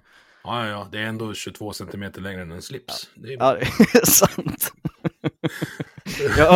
Tydligen så överlever vi korta människor tio sekunder längre i krig, så att, om man säger kolla snitt. Så att det är väl någonstans som ni långa flaggstänger. Jag misstänker att du är modellen längre. Ja, 1,83 så jag ja. är någon slags medel, eh, medellängd. Ja, det är så jobbigt att det är medellängd, alltså det, det, man känner sig så kort. Man, så, så fort man börjar prata om liksom så här längd och grejer, även om det, det har jag någonstans lagt bakom mig, men det var jävligt jobbigt en gång i tiden att man var kort. Eh, det, ja, nej, det är roligt. Men vi kan ju ta det som exempel på, på nästa kompensatoriska. Alltså vilken jävla radioövergång jag hade gjort Nej, ifall jag inte hade börjat prata om att jag skulle göra en radioövergång. Men, men så här, du eh, kommer ju med största sannolikhet inte spela i NBA då. Nej, det, eh, det känns så osannolikt. Är det statens uppdrag att kompensera det för dig? Nej, Definitivt inte, och det är inte det jag menar att liksom alla människor ska kunna göra allting alltid. Det är samma sak som jag aldrig skulle kunna bli liksom operasångare för att jag inte har den basgrunden. Alltså, det, det är ju självklart så att alla människor inte kan bli precis allting för att man har vissa egenskaper, värderingar, eh, ja, förmågor som, som inte lever upp liksom till till det. Och, och, det är inte så att vi ska ha en, en, en lärarkår som består av obehöriga lärare bara för att alla ska kunna bli lärare eller läkare. Det, det är absolut inte. Utan det är naturligtvis så att vi måste ha ett, en viss typ av metakrotiskt samhälle eh, där liksom folk bedöms ut efter sina egenskaper och, och förmågor. Men att det ska vara så kompensatoriskt det någonsin kan vara. För att just som vi var inne på att prata om tidigare, de där egenskaperna som man har när man var 20, de skiljer sig ganska många gånger från de egenskaperna man har när man är 30 eller 50 eller 70 eller liksom så. Och nu är det, nu är det ju nosar på uh, av alla efter förmåga uh, där. Ja, det är, den vet, som ska, det är den som är nästa tatuering så att det, det är liksom... Uh, och du vet, det... då drar jag i handbromsen så in i helvete. Ja, men vad kul. Varför då? Därför att då tar du bort, alltså så här, om du, om du så bara har en procents klyftor per, per generation i inkomst om du är läkare eller städare. Mm. Över tid, över, över tusen år, så kommer det då vara tusen procents skillnad. Om vi förutsätter att, att eh, vad ska jag säga, akademisk, akademisk inställning går i arv i familjen, vilket den ju gör till stort sett. Det är det du ville kompensera för. Ja, precis. Jag vill ju bryta att, att liksom bara för att mamma var städare så, så ska inte liksom du behöva vara städare. Precis. Bara för att pappa var bankdirektör så ska inte du behöva vara bankdirektör. Liksom. Och där är jag med. Men det blir ju bättre förutsättningar för att bli bankdirektör om pappa är det än om pappa är städare. Ja, så är det absolut. Och det är därför jag menar att vi behöver ett kompensatoriskt samhälle som gör att liksom det täcker upp för att, att om du har ambitionen att bli bankdirektör, varför man nu skulle vilja bli det, Eh, hyfsat pröjs och ganska lite jobb tror jag. Det är väl precis det och därför så menar jag väl kanske på att vi inte kanske behöver ett samhälle med så många bankdirektörer vi har utan att det kanske hade varit mättigare att typ ha mer, ja men lokalvårdare eller liksom, eh, ja, något annat. Och så säger vi hej till Björn som jag vet lyssnar som är bankdirektör. Jag, jag tror att du är duktig på ditt jobb, det är inte ja. det. Nej, ja, självklart, alltså skämt åsido, det är klart det finns skitmycket duktiga människor i toppen av samhället, men det finns också en, en, en jäkla massa liksom fond, alltså jag, jag brukar kalla dem för finansslynglar, det är min sån här värsta kategori människor som, som jag tycker illa om. Det, det är såna nissar som sitter och bara åh, de, folk är så jävla lata och de jobbar inte och sånt liksom. Och så i själva verket så sitter de själva, säljer och köper aktier en halvtimme i månaden. Du tänker på Martin Bukt i Smultronstället? Det ja, det kan vara så vara. Jag är så dålig på namn så att det, ja, det ska jag inte säga säkert. Då ska du lyssna på det och så ska du se när du imploderar av Ja, ja. Nej, men det, det är liksom, och framförallt då att man har ett sånt jävla arbetar, arbetsfrakt. Inte emot arbetare utan emot arbete. Där man liksom själv sitter och gör inte ett jävla handtag utan lever på någon annans intjänade pengar. Eh, och sen Fast så kan det man liksom där är nog en definition som... Fast det är det ju inte. Det är alltså det, någonstans liksom så är det ju ett faktum. Om du har liksom, ta Donald Trump som ett lysande exempel, skåpet. Alltså, han, han, han fick liksom ett, ett litet lån på ett par hundra miljoner dollar av sin farsa. Ja, Mm. grattis, det är många som kan få. För att starta sin första skumraskaffär och sen har han blåst varenda affärskompanjon han haft genom hela sitt liv och det amerikanska folket för att kunna bli president. Alltså någonstans, har du sådana killar i en ände på skalan som sitter liksom och hovar in och har allt. Sen jobbar ju Donald Trump hyfsat mycket, så det är väl ett dåligt exempel ur, ur, ur det perspektivet. Men du har liksom en, en, en stor harang med människor som inte behöver jobba. Sen om de gör det eller inte, det är en annan sak. Men, men som liksom bara kan sitta och hova in och som samtidigt då sitter och säger att nej, men, folk som, inte, som har det längst ner i samhället, de har det så jävla dåligt och de är bara kass eh, och de är lata. Medan de har tre stycken deltidsjobb, en sms-anställning och fortfarande inte får liksom ordentligt med, med pengar till hyran. Liksom. Jag menar, det, det är ju helt jävla vansinnigt ha människor som kan jobba två, två fulla arbetsveckor och inte få ihop till hyran samtidigt som du har en kille, som det nästan alltid är, som kan sitta på soffan och bara ha det gött medan pengarna tickar in för att de liksom lever på avkastning. Alltså det, det är ju den sortens samhälle menar jag är helt jävla vansinnigt att man kan tycka att det är rättvist. Mm. Det, Så det, så det du säger är att du vill också avskaffa LAS? Vill jag avskaffa LAS från det? Ja, jag tycker att LAS är en stor del i det du berättar. LAS Jag- och, LAS och hyresreglering har ställt till det här. Oj, nu, nu, nu hamnar vi någon helt annanstans, men det är väl Ja. spännande. Eh, nej, men jag skulle säga så här att alltså, någonstans både LAS och hyresreglering handlar ju om att man liksom ska just kunna motverka de marknadskrafterna som jag menar är det som, som skapar ojämlikhet och Mm. som liksom skapar den här typen av soffkillar som kan sitta och tjäna pengar samtidigt liksom som, som de i andra änden håller på och sliter så att de går sönder, eller sliter så att de går sönder och ändå inte liksom har någonstans att bo eller någonstans att jobba. Vi har ju två delar här. Och vi, släpp, vi släpper finansslyngarna slyngarna lite. Det släpper de. Eh, men du pratade, jag vill återknyta till du pratade om att vi hade låg arbetslöshet i det gamla välfärdssamhället. Mm. Eh, och det är där jag kom in på LAS. Jag tror inte att låg arbetslöshet är någonting som egentligen är eftersträvansvärt. Okej. Om man har ett, ett Alltså så här, en större rörlighet på arbetsmarknaden skulle göra att fler kan lämna skitjobb och gå till bättre jobb. Mm. Det skulle bli en konkurrens om arbetskraften som vi inte har nu. För nu har du massa folk som sitter på fasta anställningar och inte gör ett skit. Nej. I synnerhet inom den offentliga sektorn. Det, jag tycker inte det är rimligt att en tredjedel av Sveriges arbetsföra befolkning ska betalas med statliga pengar. Det är för mycket. Ja, det är väl beroende på vad de gör för någonting. För jag håller Ja. nog inte riktigt med i analysen att de sitter liksom och, och, och skräpar och, och inte gör någon liksom nytta. Sen, sen, att vi har, sen att vi har folk som sitter och skräpar och inte gör någon nytta, både inom det privata och det offentliga och liksom oavsett vilket sy- system vi än kör, det kommer vi nog inte komma ifrån. Utan det kommer nog alltid finnas en, en grupp med liksom Ja, vad var det hon hette som alla var så arga på? Britt-Marie. Britt-Marie, Ja, just ja. det. Alltså det, det är någonstans, alla samhällen kommer generera en, en viss form av liksom människor som helt enkelt bara inte är intresserade, utan det handlar ju snarare om att liksom försaka fånga upp de människor som faktiskt är produktiva, så många av Ja. dem som möjligt. Och Men det- ska, det vi, liksom ska vi då som stat finansiera eh, platt-tvn och iPhonen för de här som inte är intresserade? man kan väl säga så här, alltså det, det, det, det är ju lätt att stirra sig blind på att liksom så här, nej men det, om, om alla ska med så är det även liksom de som inte anstränger sig, men det är det ju i nuläget också. Det är ju bara det att det, det är liksom en, en allt för stor del av de som anstränger sig som inte trillar med liksom. Och jag vill nog vända på det och säga att i det samhället som vi har idag så har vi ju ännu större just i och med att vi har en liksom, extrem arbetslöshet och det är ju liksom det poängen varför man ska försöka få ner arbetslösheten så mycket som möjligt. Det är ju för att Mm. försöka få så många människor i bruk som möjligt och få så många människor att bidra som möjligt så att de just inte blir bidragstagare istället. Hur, Eller liksom att de hur reagerade du när, var det, var det Magdalena Andersson eller Stefan Löfven som sa att vi har ingen hög arbetslöshet utan vi har ett högt arbetskraftsutbud? Åh, man, man, kan, man, man kan ju bli tröttare va? Alltså någonstans liksom, så är det, någonting som man, man blir jävligt trött på på vänsterkanten så är det ju partitopparna i S. Alltså det är liksom, fan, jag, blir, jag är ju ofta, så sitter, jag sitter ju mer i större grad och svär över, över ledningen i S än vad jag sitter och svär över ledningen i Sverigedemokraterna. Om typ man när, liksom drar... när Morgan Johansson hävdar att han är en arbetarklass. Nej, prata inte om den killen. Fan, alltså, då, då, då förstör vi hela samhället. kommer jag bara stå arg resten här. Alltså. Mm. Det, ja, där, där kommer ju generna från morsan som, som skyr sossar mer än, än pesten. Alltså, där, där, det arvet ligger ju nära till hands, men det är ju bara för att Socialdemokraterna gör allt i sin makt för att man ska hålla det, det föraktet vid liv. Liksom. Ja. Sen finns det den största delen av Socialdemokraterna är inte skit. Eh, och framförallt de flesta som röstar på Socialdemokraterna är betalt vettiga människor. Mm. Eh, och jag skulle säga lite även samma sak om, om Sverigedemokraterna, att de allra flesta som röstar på Sverigedemokraterna är inte dumma i huvudet. Nej. Utan, och de, de är bara förbannade. Eh, och det förstår jag, för att vi har haft ett samhälle som har sålt ut samhället till låg, lägstbjudande eh, och invärtes kompisar liksom. Eh, under, under, ja, under 35 år, så det är klart att man är förbannad det också. Det är bara att man ska vara konstruktivt förbannad och det är därför jag just blev vänsterpartist istället.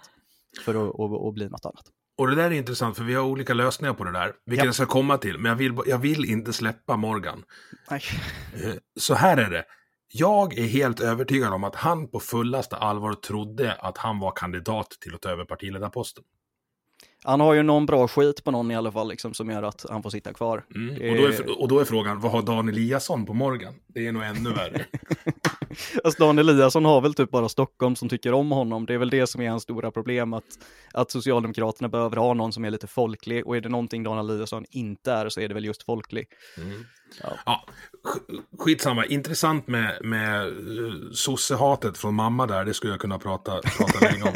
Men Alltså, just... sosse- och- Sosse-hat, är utav- jag måste bara nyansera det lite grann. Alltså, Socialdemokraterna, det som jag blir nästan mest irriterad på med dem är att det är en partitoppstyrd liten elit som sitter och förstör det partiet. Jag menar, Ja. liksom ta reformisterna som är en jävligt vettig rörelse. Sen, sen vet jag vill gå mer vänsterut än vad de vill, det är väl en annan sak. Men, men eh, där har du ju en, en, en falang utav jävligt vettiga socialdemokrater Ja. många gånger. Jag Som, håller på att liksom jaga vill Suvonen. Jag vill, ha, jag vill ha med han här. Men Ja, hon... men Svansbo har sagt ja. Hon Ja, kommer kul. vara med. Så Kul. det ska bli jätteintressant. Ja, men det, du ser fram emot att lyssna på det. Men, men du, har, du har helt rätt i det du säger. Alltså, eh, den här myten om att sossarna är villiga att göra precis vad som helst för att behålla makten, det är ju ingen myt. Alltså det, är- det är ju helt bisarrt hur... Eh, ja, men så om, vi, om vi hamnar på nästa person i, i eh, toppen där, Ygeman som lyckas schabbla bort liksom ett helt register med hemliga adresser till utländsk makt. För att han, ja, och så, och så vidare. Får sparken och sen blir tillsatt som digitaliseringsminister efter 18 Mm. månader. Ja, nej, det är ju inte supersnyggt. Vad är det för jävla sketch vi bor i liksom? Ja, nej, men och det är väl någonstans, alltså, det, jag skulle säga så här att, att, och det är egentligen inte bara Socialdemokraterna, utan jag skulle säga att det finns, det finns ganska många människor som man kan peka på ganska, ganska, ganska mycket komocka på, liksom, på det hela, det politiska brädet egentligen. Eh, det vi behöver göra i Sverige, det är att börja ha lite mer ansvarstagande för våra politiker. Alltså Ja. och, och täppa till, köra lufttäta skott mellan vissa verksamheter och liksom så här, har du suttit och, och sålt ut vård, eh, alltså kommunens vårdbolag, då ska du inte kunna köpa det eller sälja det till någon av dina polare för att sen glida in som liksom, ja men finans, eller glida in i styrelserummet ett par år senare. Liksom. Det ska inte vara möjligt att göra det.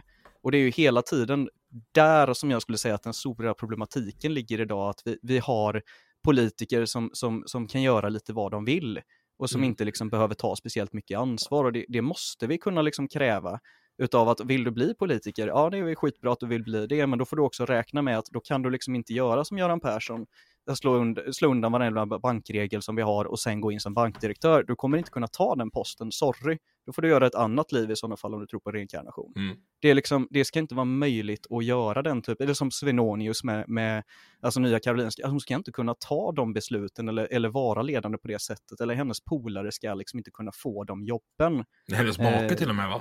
Ja, ja nej, det är hennes make och, och hans eh, golfkompisar som har fått hela, hela harangen där egentligen med uppdrag. Det var ju det här när det var helt som mest hysteriskt så kostade det 150 000 att bända en säng liksom. Mm. Och det var ju pengar rakt ner i, i liksom fika, fika budgeten där för de golfmiddagarna. Så det, det, är ju det, alltså, det är ju någonstans där som är varför folk har så lågt anseende för politiker. Vi har ju vi har ett par rötägg och det lär vi nog ha oavsett system, men att vi har ett system som, som jobbar aktivt för att motverka det här och, och, att man bara liksom byter stol på folk som har schabblat bort det och schabblat till det, utan liksom en del folk ska inte vara i politiken eller i styrelserummet. Alltså något slags liksom tjänstemannaansvar tänker du att man ska kunna utkräva? Ja, alltså, I, varje ja, på, I varje fall på toppnivå då? Ja, ja och nej skulle jag vilja säga, men, men, men man behöver se över hur vi kan liksom arbeta för att folk inte ska kunna hoppa och byta stol på det sättet som vi gör idag, för det är liksom, det är parodiskt hur mm. det fungerar och det är liksom, det är ju inte ett exempel vi har på när det här har fallerat, utan det, det är ju extremt många. Vi är väldigt eh, överens här Per. Det, ja. det, ja, men det, det är skönt och det, det, det är ju oftast det man är ju som regel det, för att vi är förbannade över samma saker, utan det handlar ju mer om hur löser vi det? Och jag tror att mer mer offentligt, alltså det, man pratar lätt om staten och säger staten någonting annat, liksom det är något, något externt, någonting eget, någonting ont, någonting dumt som liksom vill komma och ta en på skattepengar och hej och Men staten är ju du och jag. Alltså det är ju vi som är staten, det är ju samhället och det är ju samhället måste ha mer inflytande över de här grejerna för att samhället är den enda garanten som liksom inte är beredd att köp, bli köpt för pengar.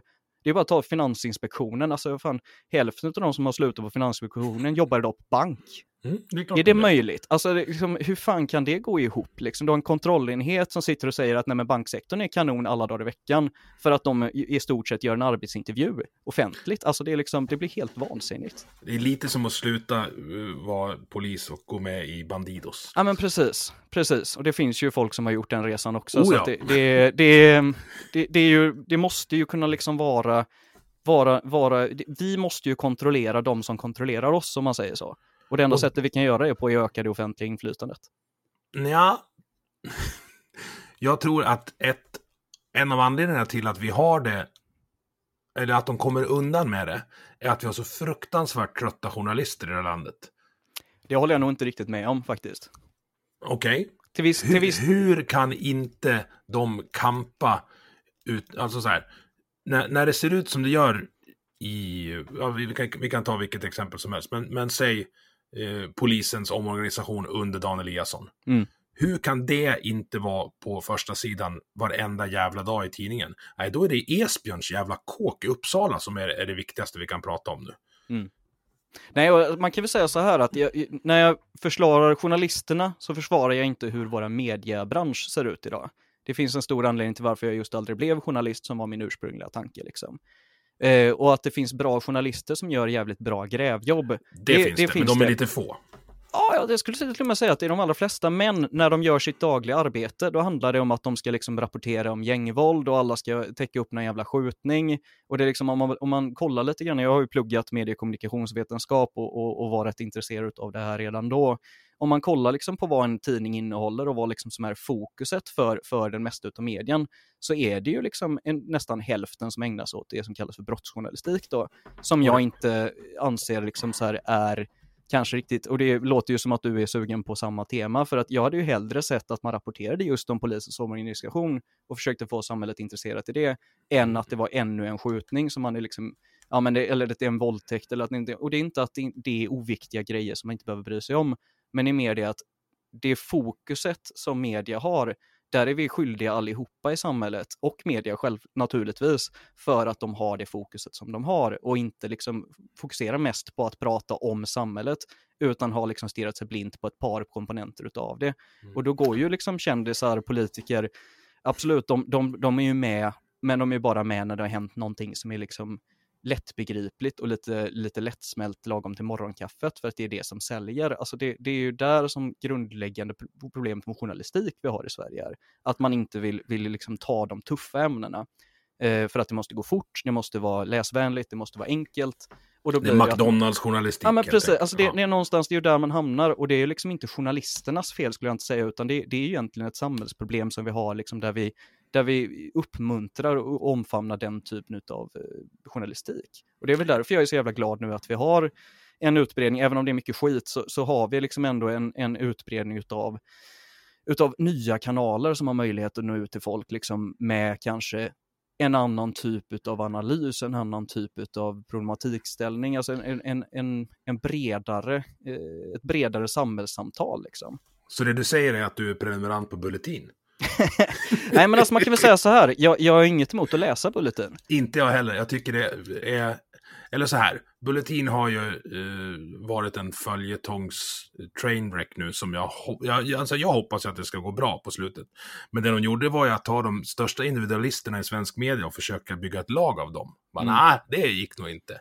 Några som däremot har gjort det som jag tror att Bulletin försökte göra, det är Kvartal, som jag tycker kanske är en, en av de bättre kanalerna vi har just nu, framförallt mm. poddarna. Ja, jag lyssnar på deras vecko, det är de som gör veckopanelen. Ja, visst är ja, den bra. Alltså, den ja, är, den är bra.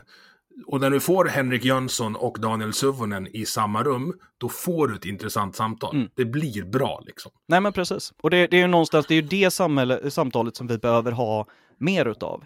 Och även se liksom i, i, i i dagspressen och liksom i, i samhällssamtalet hela tiden. Att det inte liksom blir det här käbblet som, som det som Alltså jag har ju slutat kolla på partiledardebatter. Det finns ju ingenting som, Nej, men det går inte. De svarar inte på en fråga. Alltså, Nej, men det, och så, så står de bara och dåligt. kastar saker på varandra och även när det är någon som får till någon retorisk poäng så är det liksom så här, men vad har du lärt dig av det här? Nej, men de tycker inte om varandra. Okej, det visste du nog på förhand. Mm. Eh, och det, det är liksom, det man behöver ha, det är, det är ju ett, ett eh, ett riktigt samtal där man respekterar att okej, okay, men du tycker så här, jag tycker så här, nu pratar vi om varför och så kommer vi fram till typ som du och jag har nu.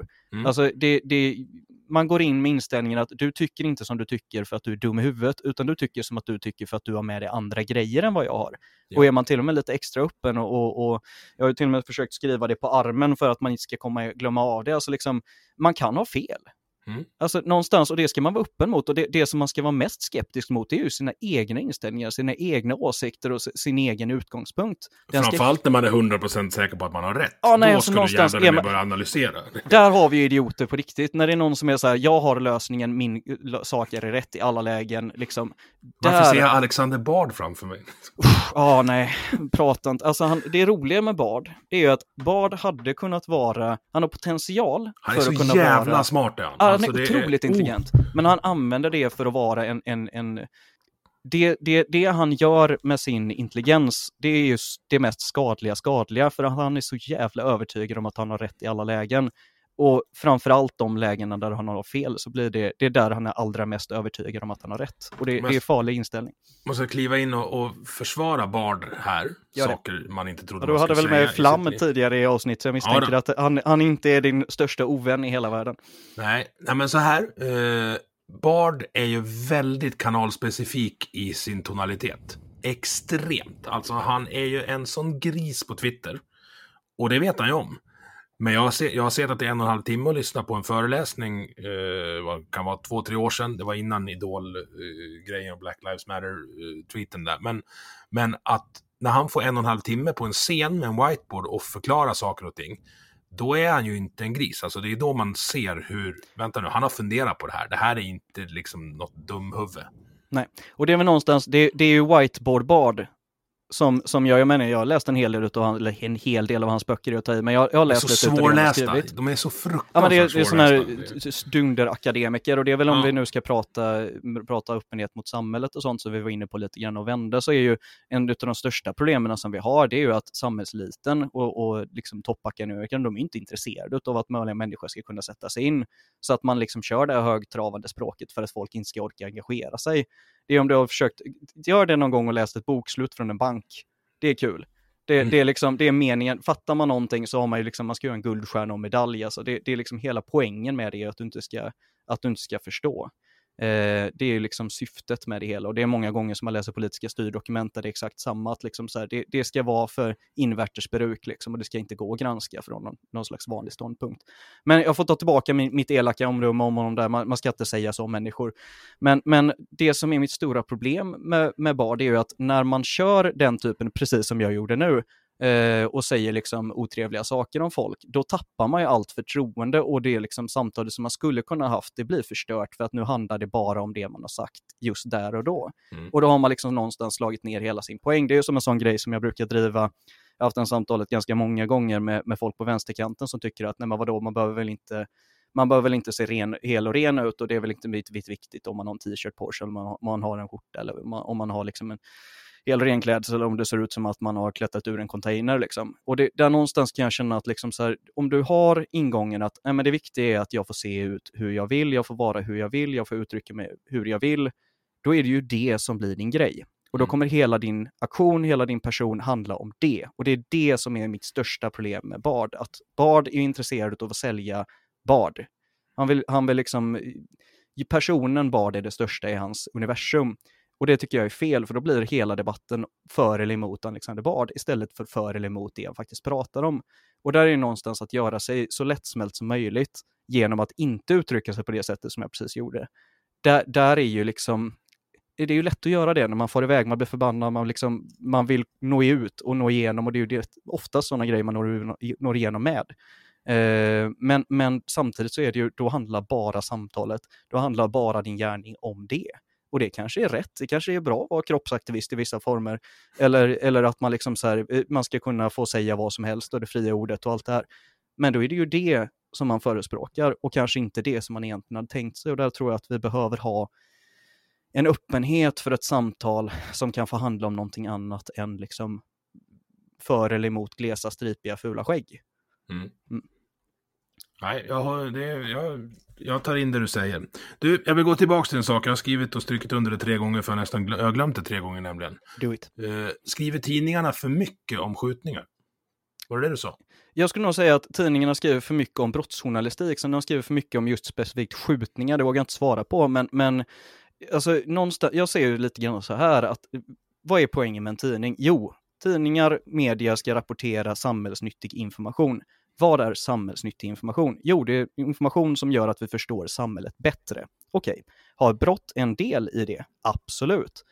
Men inte i paritet till liksom, ja, men det vi pratade om tidigare, polisens omstrukturering, hur det funkar i samhället, hur det funkar i den finansiella världen, hur det faktiskt ser ut liksom med bostadsmarknaden egentligen.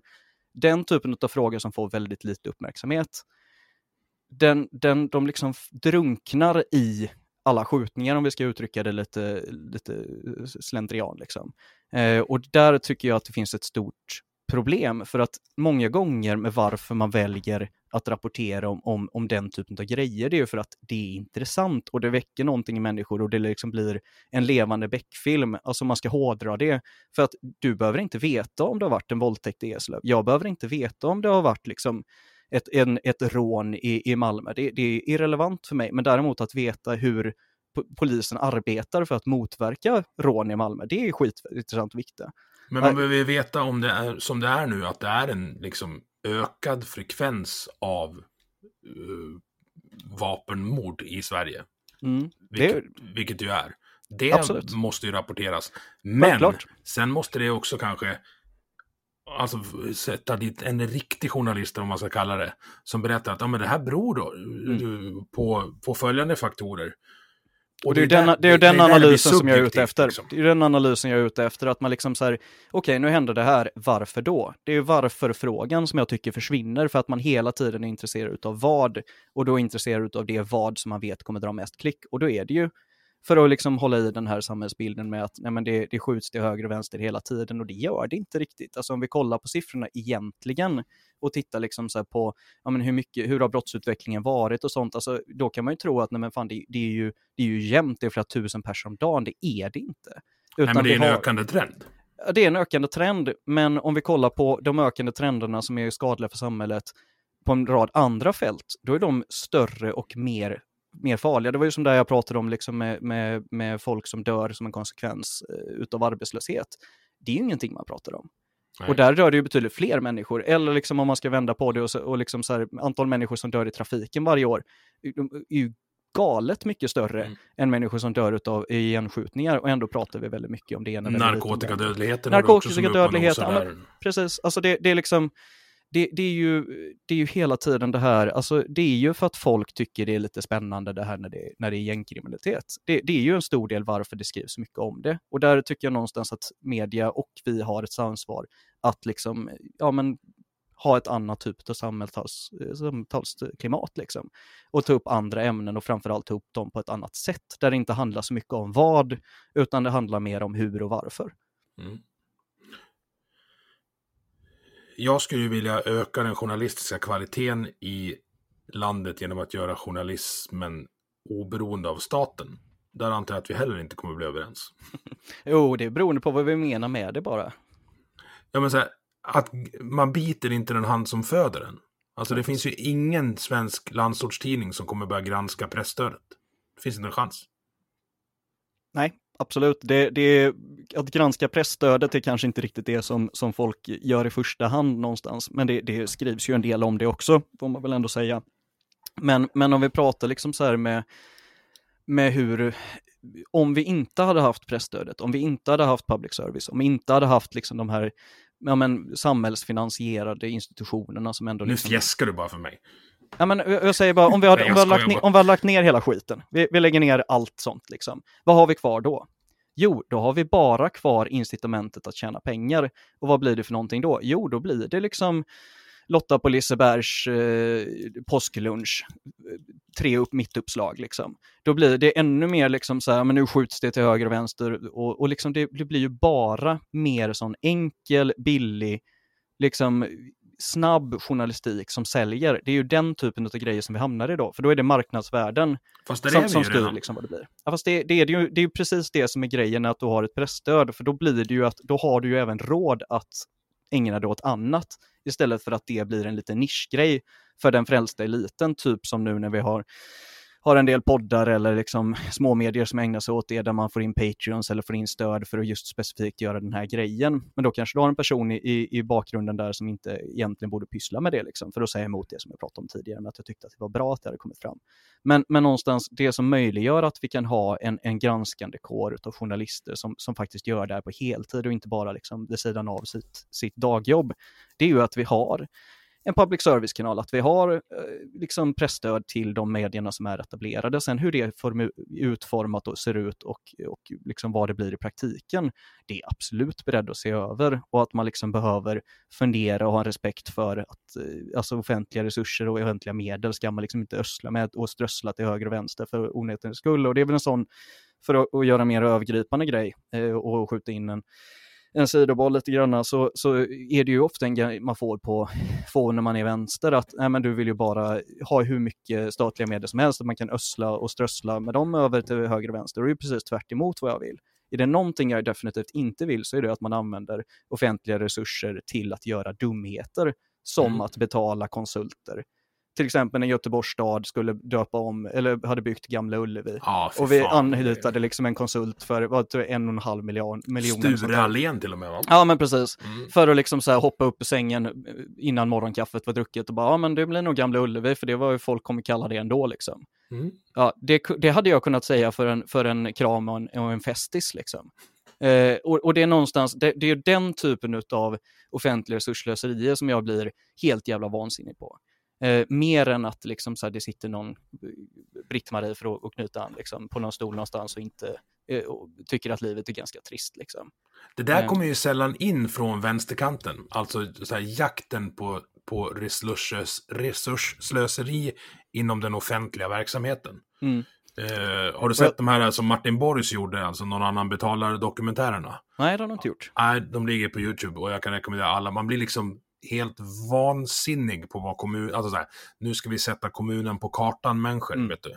Alltså, Det, åh, tror, ja, men så här, jag tror det var i Falkenberg herregud. där de installerade en rökmaskin i en rondell Åh. för att det skulle se trolskt ut när folk kom in, vilket resulterade i att det var ingen som såg rondellen. mm. Så de fick ju stänga av den. Ja, det är ju men, och då försvinner det någon miljon där. Mm. Och sen har man inte råd med, om vi ska återknyta till skolan, Mm. elevassistenter som man vet gör skillnad. Alltså jag har jobbat som elevassistent några vänder, men jag har fan inte råd att jobba som elevassistent. Nej. Så fort det dyker upp ett, ett annat jobb, då, då måste jag liksom ta det. Mm. Nej, och där är jag helt med dig, men jag tror att en stor del till varför vi på vänsterkanten, om jag får, får uttrycka mig så, grej.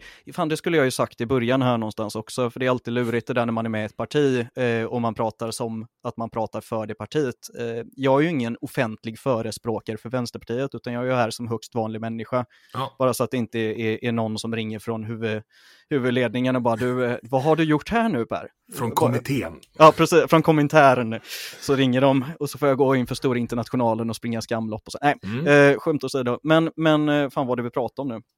Kommuner som vill sätta sig själv Just på kartan med hjälp av skattemedel. Exakt. Eh, nej men alltså någonstans varför vi på vänsterkanten inte pratar om resursslöseri på samma sätt. Det skulle jag väl säga om man får göra en liten analys på det. Eh, lekmananalys, att, att det är ett begrepp som används till stor del från högern och då blir vi lite rädda och lite försiktiga och liksom så här, åh nej, men då kan inte vi också prata om det för att då låter vi som högern. För jag är ju helt med dig på att liksom så här vansinniga kommunprojekt för att liksom så här, nu ska vi, nu ska vi göra någonting fräckt och spexigt för flera miljoner. Det, det ska man liksom inte ägna sig åt oavsett vilken liksom nivå på samhället som man är på, utan det ska ju finnas en det ska ju finnas en poäng med att du spenderar skattekronor Mm. eh, eller pengar som har gått från svenska företag och sånt. Liksom. Och du ska alltid ha en jävla respekt för offentliga medel och de ska användas så effektivt som det bara går i alla lägen. Och den Eh. diskussionen tycker jag man, man måste ta liksom över hela spektrumet. Och sen är, sen är frågan vart man landar i det. För det, kan, det blir nog skillnad på Ja. om, man, om man anser sig vara höger och vänster. Mm. Jag, jag brukar säga så här, men det, säger- det är väl jättebra att mina ungar får, får åka gratis buss och lära sig spela blockflöjt på den kommunala musikskolan. Mm. Jättegulligt. Men kan ni först lova mig att de inte blir skjutna på vägen? Vi börjar där liksom. Ja, men jag hör ju det vad du säger och det, det är någonstans, alltså det som jag ser på, nu ska vi bara, innan vi går över på den bollen, så vill jag bara lägga en liten sista grej på det här med liksom resurslöseri, för jag tror att en, en, en stor del varför vänstern inte använder det, det är ju för att högern i viss del också använder resurslöseri för att begränsa verksamhet som är offentlig som högern inte tycker att man ska syssla med. Och Mm. det tycker jag blir felaktigt för att bara för att du inte tycker, nu säger jag du, men att man på högern inte tycker att, att eh, samhället ska ägna sig åt kultur till exempel, eller journalistik eller vad det kan vara, liksom. så, så kan man ju inte kalla det för resurslöseri, utan då får man i sådana fall säga att nej, men det här ska samhället inte pilla, hålla på och pilla med.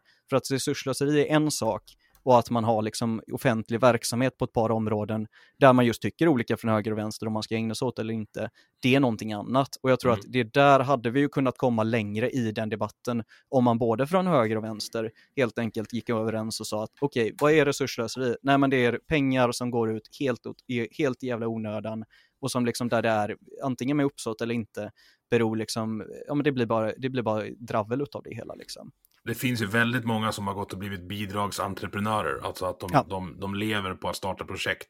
Ni hade ju den här jävla kamelfarmen nere hos er va? Oj, jag vet inte Alltså, faktiskt. Ska Ja, men de, nej, men de skulle starta en kamelfarm i Angered och fick, jag tror det var fem miljoner. Ja. Det dök aldrig upp någon kamel, utan det var liksom bara sitta och, de spelar nog World of Warcraft, om vi ska återkoppla till det. Ja, nej men det, det, det absolut finns eh, folk som, som utnyttjar systemet som det ser ut idag och så det går att utnyttja det systemet som jag pratar om att, att jag vill ha. Men, jo, men det, kommer all, det kommer alltid finnas bovar. Så är det ju, De måste så är det ju. Det är bara- granskas. Och så ska ja. de inte få någon chans igen. Utan då är det så här, nej, du, sorry, ditt personnummer är spärrat. Du får inte bli, eller så här, du får inga mer bidrag. Eller du får inte bli digitaliseringsminister, Ygeman. Nej, kanske inte att man blir digitaliseringsminister, men att man blir utanför samhället när man liksom inte får, när man har tappat bort sig en gång, det, det är nog inte någonting som jag, som jag delar fullt ut i alla fall. Men jag Nej. förstår vad du menar och någonstans... Nej, alltså, det, inte, alltså det räcker ju med så här, inte en gång, men om du, om du uppenbarligen är så. Alltså du har, och så finns det så mycket onödigt, förlåt nu, nu går jag igång på det här. Men typ, har du haft med Lantmäteriet att göra någon gång? nej, jag har sluppit det tror jag. Nej, grattis, för det är Samhall för akademiker. Ja, kul. Alltså det är, åh. Mm. Nej men det, det finns mycket så här, uh, myndigheter skulle jag också vilja lägga ner, kanske hälften. Nej men alltså man kan väl säga så här att, att jag menar ju inte att alla myndigheter är Guds gåva till mänskligheten och liksom det bästa vi har och fan vad fint det är med byråkrati. Utan det är klart att man behöver en viss mån av byråkrati men man behöver också myndigheter som granskar myndigheten och ser till att de fungerar och flyter på på ett effektivt sätt. Mm. Eh, och jag tror framförallt att, att om vi ska prata, liksom, jag är ju egenföretagare eh, och att man kan ha mer stöd och, och resurser liksom där som gör att det är enklare att vara egenföretagare i en värld där vi liksom står med snart en miljon svenskar som är just egenföretagare. Då är det liksom, det är ju en väldigt rimlig grej att man ser över hur byråkratin funkar för att det ska vara så enkelt som möjligt att leva i en värld där vi absolut behöver ha alla miljötillägg och, och inbud och grejer som vi har, men också där det är lätt att navigera i det och där man får liksom en, en bra stöttning från, från samhället. Liksom. Men då Mm. behöver återigen samhället vara starkt och det behövs kanske snarare mer resurser till, till myndigheter som går på knäna än, än mindre, liksom, eller att man lägger ner dem. Gärna lägga ner, men alltså... eh, Ja, där, där, där, där lär vi nog inte enas idag tror jag. Nu har ju du spårvagnar närmare dig än vad jag har mig. Eh, men här ute har vi någonting som kallas för strandskydd, som du kanske har hört talas om. Ja då. Eh, det är också alltså att man har ett generellt förbud mot att bygga vid sjöar istället för att aktivt skydda skyddsvärda strandremsor tycker jag är det blir en vänster-höger-grej för mig. Mm. Ja, men det är väl någonstans också liksom det där med, det, då är vi ju nästan inne och pratar på det här med liksom egendom och vem som äger vad och sådana grejer. Och jag kan väl känna att tillgång, bland det finaste vi har i Sverige för att bli lite högtravande en stund, det är ju faktiskt allemansrätten och att man mm. liksom kan komma och knalla och gå lite grann hur som helst och att man har en öppenhet eh, för att kunna ta sig i hela samhället och det är en jävla resurs att vi liksom kan få knalla ut till en sjö och bada eller vi kan gå, gå vi, ta en strandpromenad liksom längs med vattnet och gå ganska långt utan att det behöver komma ett stängsel om du försöker göra samma sak i, i Spanien eller Italien eller England för den delen. Alltså det, du kommer inte speciellt långt innan det kommer en kille med gevär och bara du, nu får du nog eh, gå härifrån. Mm. Och det är ju precis det som är liksom i andra änden av skalan. För att det, jag förstår ju folk som, som blir irriterade på att man inte får bygga en sjöbord. Eh, och det hade jag nog också varit om jag hade bott liksom alldeles vid strandkanten. Nu lär jag aldrig ha råd med det, men det är en annan sak. Liksom. Här uppe har du råd med det. Flytta hit. Var känner du bor någonstans? I Leksand, mitt i Dalarna. Ja, ja, ja. ja det sa du till och med innan. Ja, jag, ja, jag har bott nej, jag, så, ja, du. Nej, jag bodde ju några år i Piteå så att jag, jag vet ju vad det är liksom att ja. bo i andra delen av Sverige. Men du kan köpa ett hus för fyra stockar snus om du vill, liksom, ja, som men... Ola Urell sjunger. Nej, men vad, vad jag skulle komma till där är eh, det man missar ofta, nu, nu blir du representant för vänsterkanten här igen, yep. med allemansrätten och att det är mysigt ut och gå i skogen, för det är det ju. Men om ingen hade ägt den skogen och gallrat den så hade du inte kunnat ta dig fram där. Nej, och det är väl just därför vi behöver ha ett, ett även ett stort eh, offentligt ägande utav, som vi har, Nej. utav skogen. För att, för att kunna värna om den, alltså liksom för att kunna se till att den är öppen, för, både för natur och människa. Ja, fast där, där, jag ska inte säga att du har fel, där tycker jag att du har fel. För det blir, det blir en för stor grej att, att eh, hantera för en myndighet. Det blir en sån, sån oöverskådlig grej. Du måste ner på mindre enheter och den minsta fungerande enheten är, ja, enligt mitt sätt att se det, individen. För det finns ju ingen som är så noga med att sköta sin skog som den som jobbar för att hans barn ska ärva den. Mm. Ingen myndighet kommer kunna vara så. Och där, där, är jag helt med dig för att, att ha ett inflytande från de som är på marken, alltså från, från människorna som är ute och jobbar i skogen. Det är ju precis vad jag vill. Alltså det, det är ju så här jag ser på hur företagande rent generellt hade fungerat på bästa sätt. För att det är en sån grej man pratar mycket om liksom när, man, när man just sitter liksom runt fikabord med egenföretagare. Att äh, men han, han har en sån jäkla anställd mentalitet. Liksom. Och jag förstår ju precis vad man menar där och det är väl lite samma sak som du är ute och far efter nu med skogen, att, att man ska värna det som om det vore sin egen.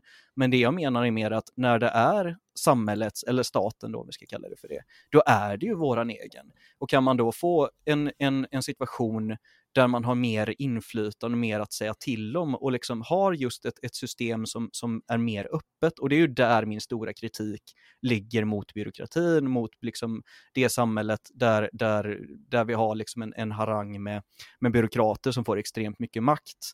Det är inte bra. Och det är liksom så här det här att man ska ha en, en, en kinesisk partiapparat, om vi nu ska dra sådana växlar, som sitter och bestämmer över, över liksom folk på marken. Så ska det inte vara. Och det är liksom, det är inte den socialism som jag är ute efter. Jag skulle inte ens kalla det för socialism, utan, utan det är någonting annat. Och det är liksom inte, det är inte det som är motsatsförhållandet till privat äganderätt, utan att man har ett stort, ett samhälle som är jävligt öppet för människor som har någonting att komma med och människor som lever i en verklighet. Det måste vi ha och där måste vi bli mycket, mycket bättre. Och det är ju någonting som hela samhället måste sträva efter. Men det får vi ju genom att öka samhällets makt, inte att öka individens makt, för då kommer det istället bli en konkurrens mellan de resursstarka individerna. Och så kommer de som inte är resursstarka individer inte ha någonting att säga till om, för att står det mellan Står det mellan två killar med en pinne och den ena har liksom ett, ett lasersvärd och den andra har liksom, ja, en pinne, då, då vinner killen med lasersvärd alla dagar i mm. veckan. Och det är precis det som jag menar är varför vi måste ha med liksom en, en, en, vettig, en vettig tjej från kommun mellan de två killarna som säger att hörni, nu får ni liksom vara med och, och leka båda två på lika premisser. Det är ju det som är poängen med varför vi ska ha ett samhälle, att vi hela tiden har en garant i folket för att alla ska liksom komma till tals och inte bli överkörda. Och framförallt när det är någon som har en bra idé, eh, då ska det vara den bra idén som är i fokuset, inte vem som har den bra idén. Liksom. Mm. Om, jag, jag, stannar kvar på lasersvärd och pinngrejen där. Ja. Det, fin, det, finns ett experiment de har gjort med råttor eh, där ett, ett socialiseringsexperiment där, där de har just det, du har en råtta som är större, alltså alfahannen i buren. Mm. Eh, den alfahannen skulle kunna vinna varje brottningsmatch när de, för råttor leker precis som, som barn, alltså brott, Mm. de brottas ibland. Men de alfahannarna som vinner varje match, de blir till slut utstötta av flocken. För det spelar ingen roll hur mycket alfahannar du är, tre stycken betahannar tar dig ändå. Mm. Men om alfahannen låter tvåan och trean i flocken vinna ungefär var tredje brottningsmatch, alltså lägger sig, då blir den ännu större, alltså då, då blir den accepterad som ledare för flocken. Mm. Eh, om man applicerar det på dig med lasersvärd och, och pinnen där, du kan, alltså, är du en diktator som det här, alltså det blir ju diktatorhörnet på, på liksom makttriangeln där, som du säger när du har lasersvärdet, så måste du ändå låta de som är mindre bemedlade, eller beväpnade i det här fallet, de med pinnen, vinna ibland. För annars kommer de sluta leka med dig och då blir du själv utfryst. Ja, nej, alltså jag säger inte emot det, utan det jag säger är att när, när, eh, när vi släpper folk fria och släpper kapitalet och marknaden fria, som vi till stor del har gjort idag, så blir det så att det är 43 personer som äger en tredjedel av den svenska BNPn. Och det är där vi är idag, och så var det inte för 35 år sedan. Nej, men vi är För också det- på ett det- ställe idag där, där de som är fattiga i Sverige har iPhone och platt-tv. Ja, men det är liksom någonstans, är det verkligen så? Är det verkligen det som är det, liksom det, det vitala är om du har iPhone och platt-tv? Är det inte liksom det som är väsentligt med livskvalitet? Det är om du har tillgång till ett fullt liv och liksom du har, du har möjligheten, just som vi pratade om tidigare, att kunna bli psykolog när du är 42. Men Alltså vem liksom- i Sverige har inte den möjligheten? Ja, men det skulle jag säga att det är en ganska stor del av människor som, som, som lever på liksom jobb som, och marginalen, där man hela tiden vet att liksom jag, det är ju bara inte att syns nu under pandemin, liksom där en del, stor grupp människor som jobbar på äldreboenden har valt att gå förkylda till jobbet eller gå sjuka till jobbet för att Mm. de har inte ett alternativ. Och det är väl ett jättebra exempel på att skapar man det här liksom samhället där man släpper folk till att ta sin egen beslut och alla är sin egen vän och alla står sig själv närmat, då kommer man ha folk som tar beslut som är dåliga för hela samhället, men som är bra för individen. För att Mm. de har ju inte alternativ, de här människorna. Det är inte så att de går dit bara, fan vad kul, nu ska jag smitta ner Agda 82. Utan liksom det är att om inte jag går och smittar ner Agda 82 så kan inte mina barn ha någonting att äta. Då, då, är liksom, då kan inte vi bo här, då hamnar vi på gatan. Och då blir det liksom, den typen av samhället är, är ett svagt samhälle i min värld. Mm, Och det är liksom, det, det, är ingen, det är inget bra det är, det är inget bra sätt att verka på. Men har du då till exempel, för att återknyta det här till LAS, istället den personen tryggt anställd och vet att äh, men jag kan gå kvar här hemma utan karensdag eh, tills jag är frisk och kry igen och kan hjälpa Agda 82 precis som hon behöver hjälp men inte göra det genom att smitta ner henne. Då har vi ju en, en möjlighet och, en, och en, ett samhälle som faktiskt fungerar.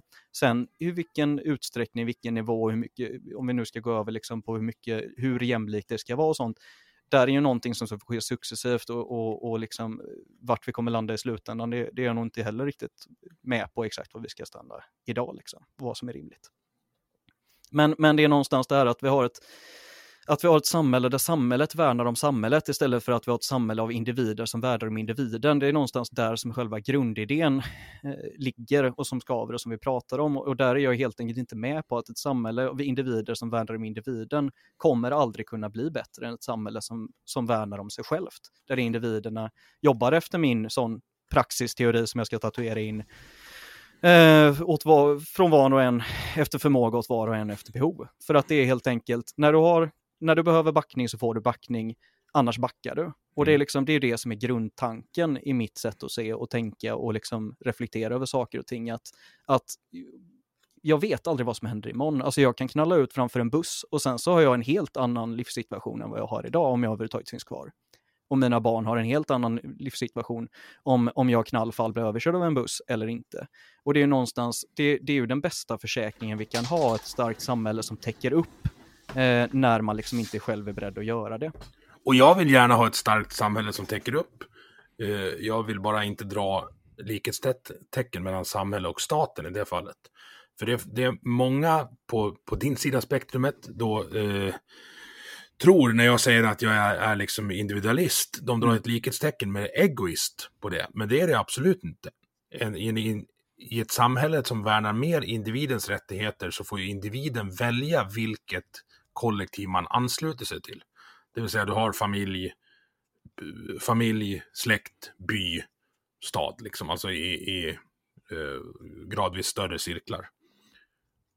För det du, säger, det du sa där är att det finns folk som fattar beslut som är egoistiska. Problemet i ett, i ett storsocialistiskt samhälle är att då sitter ju de i Socialdemokraternas partitopp och fattar då eh, Eh, beslut på, alltså de, de gör fel, men när de gör fel så drabbar det jättemånga människor under dem. För alla människor tar fel beslut ibland. Mm. Jo, nej, så är det ju. Och det, det är ju någonstans därför jag, jag är demokrat i grund och botten, för att när de tar ett beslut i toppen på Socialdemokraternas partistyrelse ska man kunna hysta dem all världens väg liksom i huvudet först. Och det, är- det är ju någonstans det som är garanten så att säga för att den typen av samhälle ska vara. För att om du har ett, ett, ett samhälle där individens friheter och rättigheter, för det, det är jag också ute efter. Alltså jag, jag vill inte att vi ska sätta munkavel på folk eller liksom att folk ska gå och stöpa och, och, och inte få göra vad de vill, utan det ska man få göra i så stor utsträckning som man kan när det inte går ut över någon annan. Men det är just det där att i, i ett individualistiskt samhälle så blir det att du och dina grejer på alla andras bekostnad. I ett socialistiskt samhälle så blir det du och dina grejer genom andras försyn. Alltså det är, liksom, det, det är ju i relation till andra människor som man lever.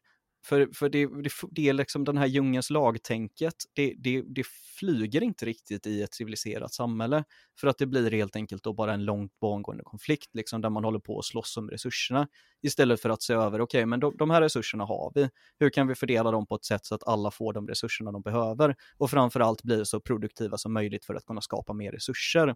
Och där tror jag helt enkelt mer på att man använder sig av hela spektrat människor istället för att man väljer liksom så här, men de här är jävligt bra, de här nissarna är bra och det är inget att de inte är bra. Men de, de nissarna ska vi liksom satsa på så skiter vi i resten så får vi se lite grann hur det blir. Och så blir det kanske i slutändan av dagen om vi pratar kanelbullar är mitt som stående exempel som jag alltid brukar ta upp i de här liksom, eh, sammanhangen. Om du har ett samhälle som producerar 100 kanelbullar liksom, från början och så har du två utgångspunkter liksom, där du kan ta de bagarna som är mest effektiva och så satsar du stenhjärtat på dem så kommer du få 80 jävligt bra kanelbullar. Liksom. Men du har fortfarande 100 personer som ska äta kanelbullar så det blir 20 som är utan och då är det lite, ja men det blir lite spill får man räkna med. Eller också då så har man ett samhälle där man liksom ser till att okej, okay, hur får vi bäst 100 kanelbullar eller 110 kanelbullar? Det är liksom mm. det viktiga. Eh, så att alla kan få en kanelbulle. Och jag vill också ha 110 kanelbullar, men jag tror mer på att då får folk baka det de vill själv, eller kanske hjäl ta hjälp av grannarna och familjen. No. Nej men absolut, och jag, jag säger inte liksom att, att, att folk inte klarar av att göra saker och ting själva. Eller att folk liksom ska, samhället ska stå i vägen för den personliga utvecklingen. Eller, eller företagsamhet eller entreprenörskap eller vad man nu vill kalla det för. Det är liksom inte det som är poängen. Utan det som är samhällets poäng är ju att, att värna om att så många människor som möjligt ska kunna få ut sin fulla potential. Det är liksom det som är Där tror jag vi är överens, vi har liksom bara olika sätt att, att se Helt på det. Jag, jag tänker klart. på, det borde kunna gå att enas över, liksom från vänstern till eh, KD. Eh, alla på spektrumet här borde kunna enas om att vi måste effektivisera användningen av offentliga medel. För som, som det ser ut nu så är bråket mellan vänster och höger, så här, i, i högerns samhälle, där har du inte råd att betala för vården. Men i vänsterns samhälle, där dör du i kön till vården du redan har betalt för. Inget av dem är ju bra. Fast det, om man då kollar lite grann, om man, nu pratar vi, pratar vi siffror istället, för det, det är alltid, det blir så lätt att man, eh, att man hamnar i så ganska flytande grejer och, och vårdköerna, innan vi liksom släppte in marknaden på, på, i vård-Sverige, de var inte ens en bråkdel av vad de är idag, utan det är ju en konsekvens av att precis som i skolan, resurserna hamnar inte i vården utan de hamnar någon annanstans. Det Och du kan har också vara en, en, en konsekvens av en miljon invandrare också kanske. Ja, ja, det, det, det är ju en annan grej. Vi kan väl gå, återvända till den bollen alldeles om en liten sekund. Men, men någonstans det som blir problematiskt när det kommer till just till vård, det är att du har två helt olika vårdsituationer i Sverige beroende på om du har eller inte har en privat sjukvårdsförsäkring. Eller om ditt jobb har löst den genom dig. Och nu har jag, tror det är, om vi är uppe i 6 eller 7 eller 800 000, jag är så jävla dålig på att komma ihåg sådana siffror och jag skriver aldrig upp dem för att jag inte är intelligent. Eh, så är det liksom, då har du en, en, en stor del människor som går före Agda 82 när hon ska ha ny höftkula för att, nej men Anders har lite ont i handen men han har en privat sjukvårdsförsäkring så han kan liksom, han kan kapsejsa hela systemet. Och så får Men har inte liksom... han en privat vårdgivare också då? Jo, men den privata vårdgivaren kommer ju liksom kannibalisera på den, på den vårdresurserna som vi hade behövt få ut liksom till hela systemet. För det är ju inte som att de privata eh, vårdgivarna inte får resurser från samhället, utan Nej. det är ju precis det som är problemet, att de får både resurser från samhället och från privata aktörer, försäkringsbolag och så vidare. Om de hade varit helt privata då, hade det varit okej?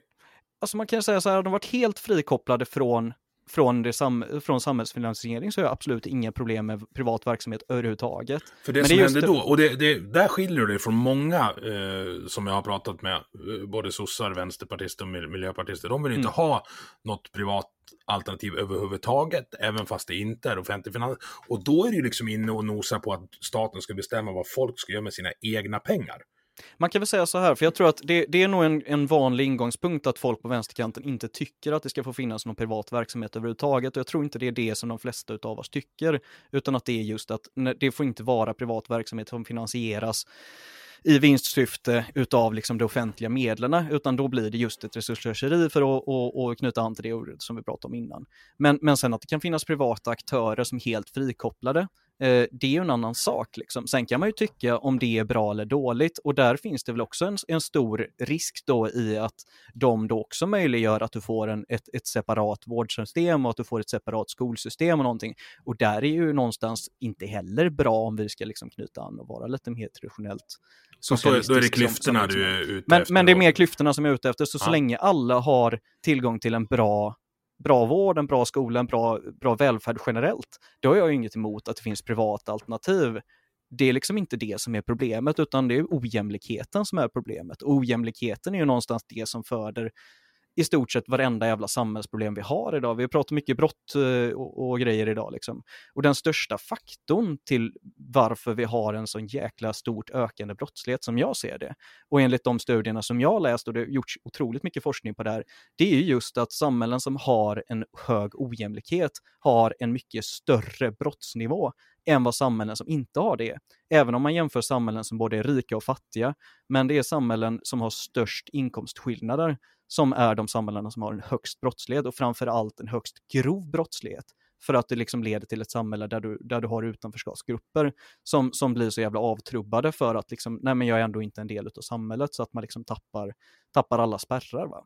Och det är ju någonstans där som jag den känslan, tanken, hade jag också gärna fått flyga in liksom i, i debatten gällande brott. För att är det någonting som, som kriminologerna är rörande överens om, i alla fall de allra flesta, så är det att långa, höga straff löser inte brottsligheten. Det leder inte till en minskad brottslighet.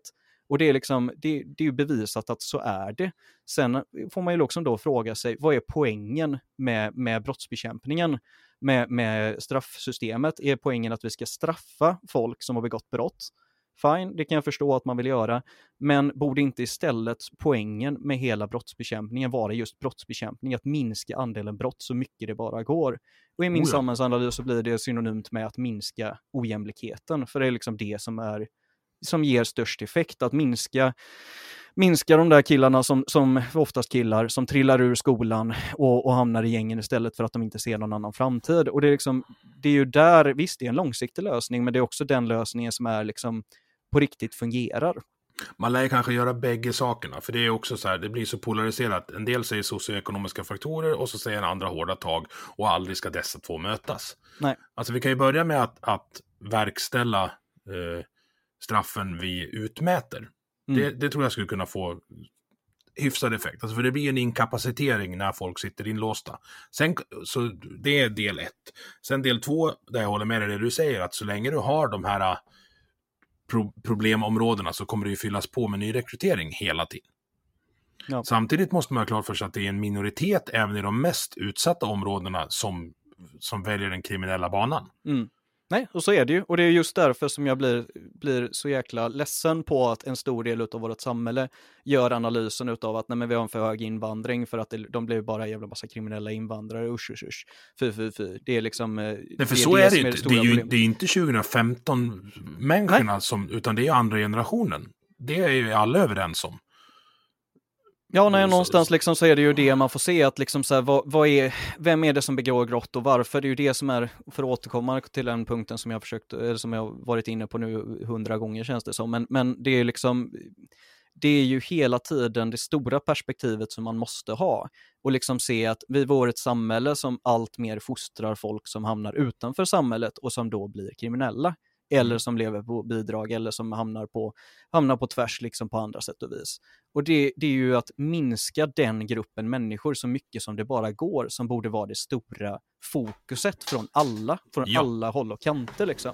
Men då, kör, då man... kör man direktsända tv-debatter om att förbjuda gangsterrap i P3 istället. Ja, jo, det är vansinnigt. Men alltså, det, vilket det... jävla trams. Ja, ja. Uh... Nej, men det, det, det är som, jag satt och lyssnade på Filosofiska rummet, eller Pretentiösa rummet som min kära poddkollega kallade det för häromveckan. Um, det, och de pratade om, liksom, eh, om porr och, och och eh, hur det funkar och hur det inte funkar och vad det är. Liksom. Eh, och så sitter det en rabiat kille där som hatar porr och tycker att liksom så här, men det är moraliskt förfall och sån här riktigt, riktigt gammal sån moralistnisse.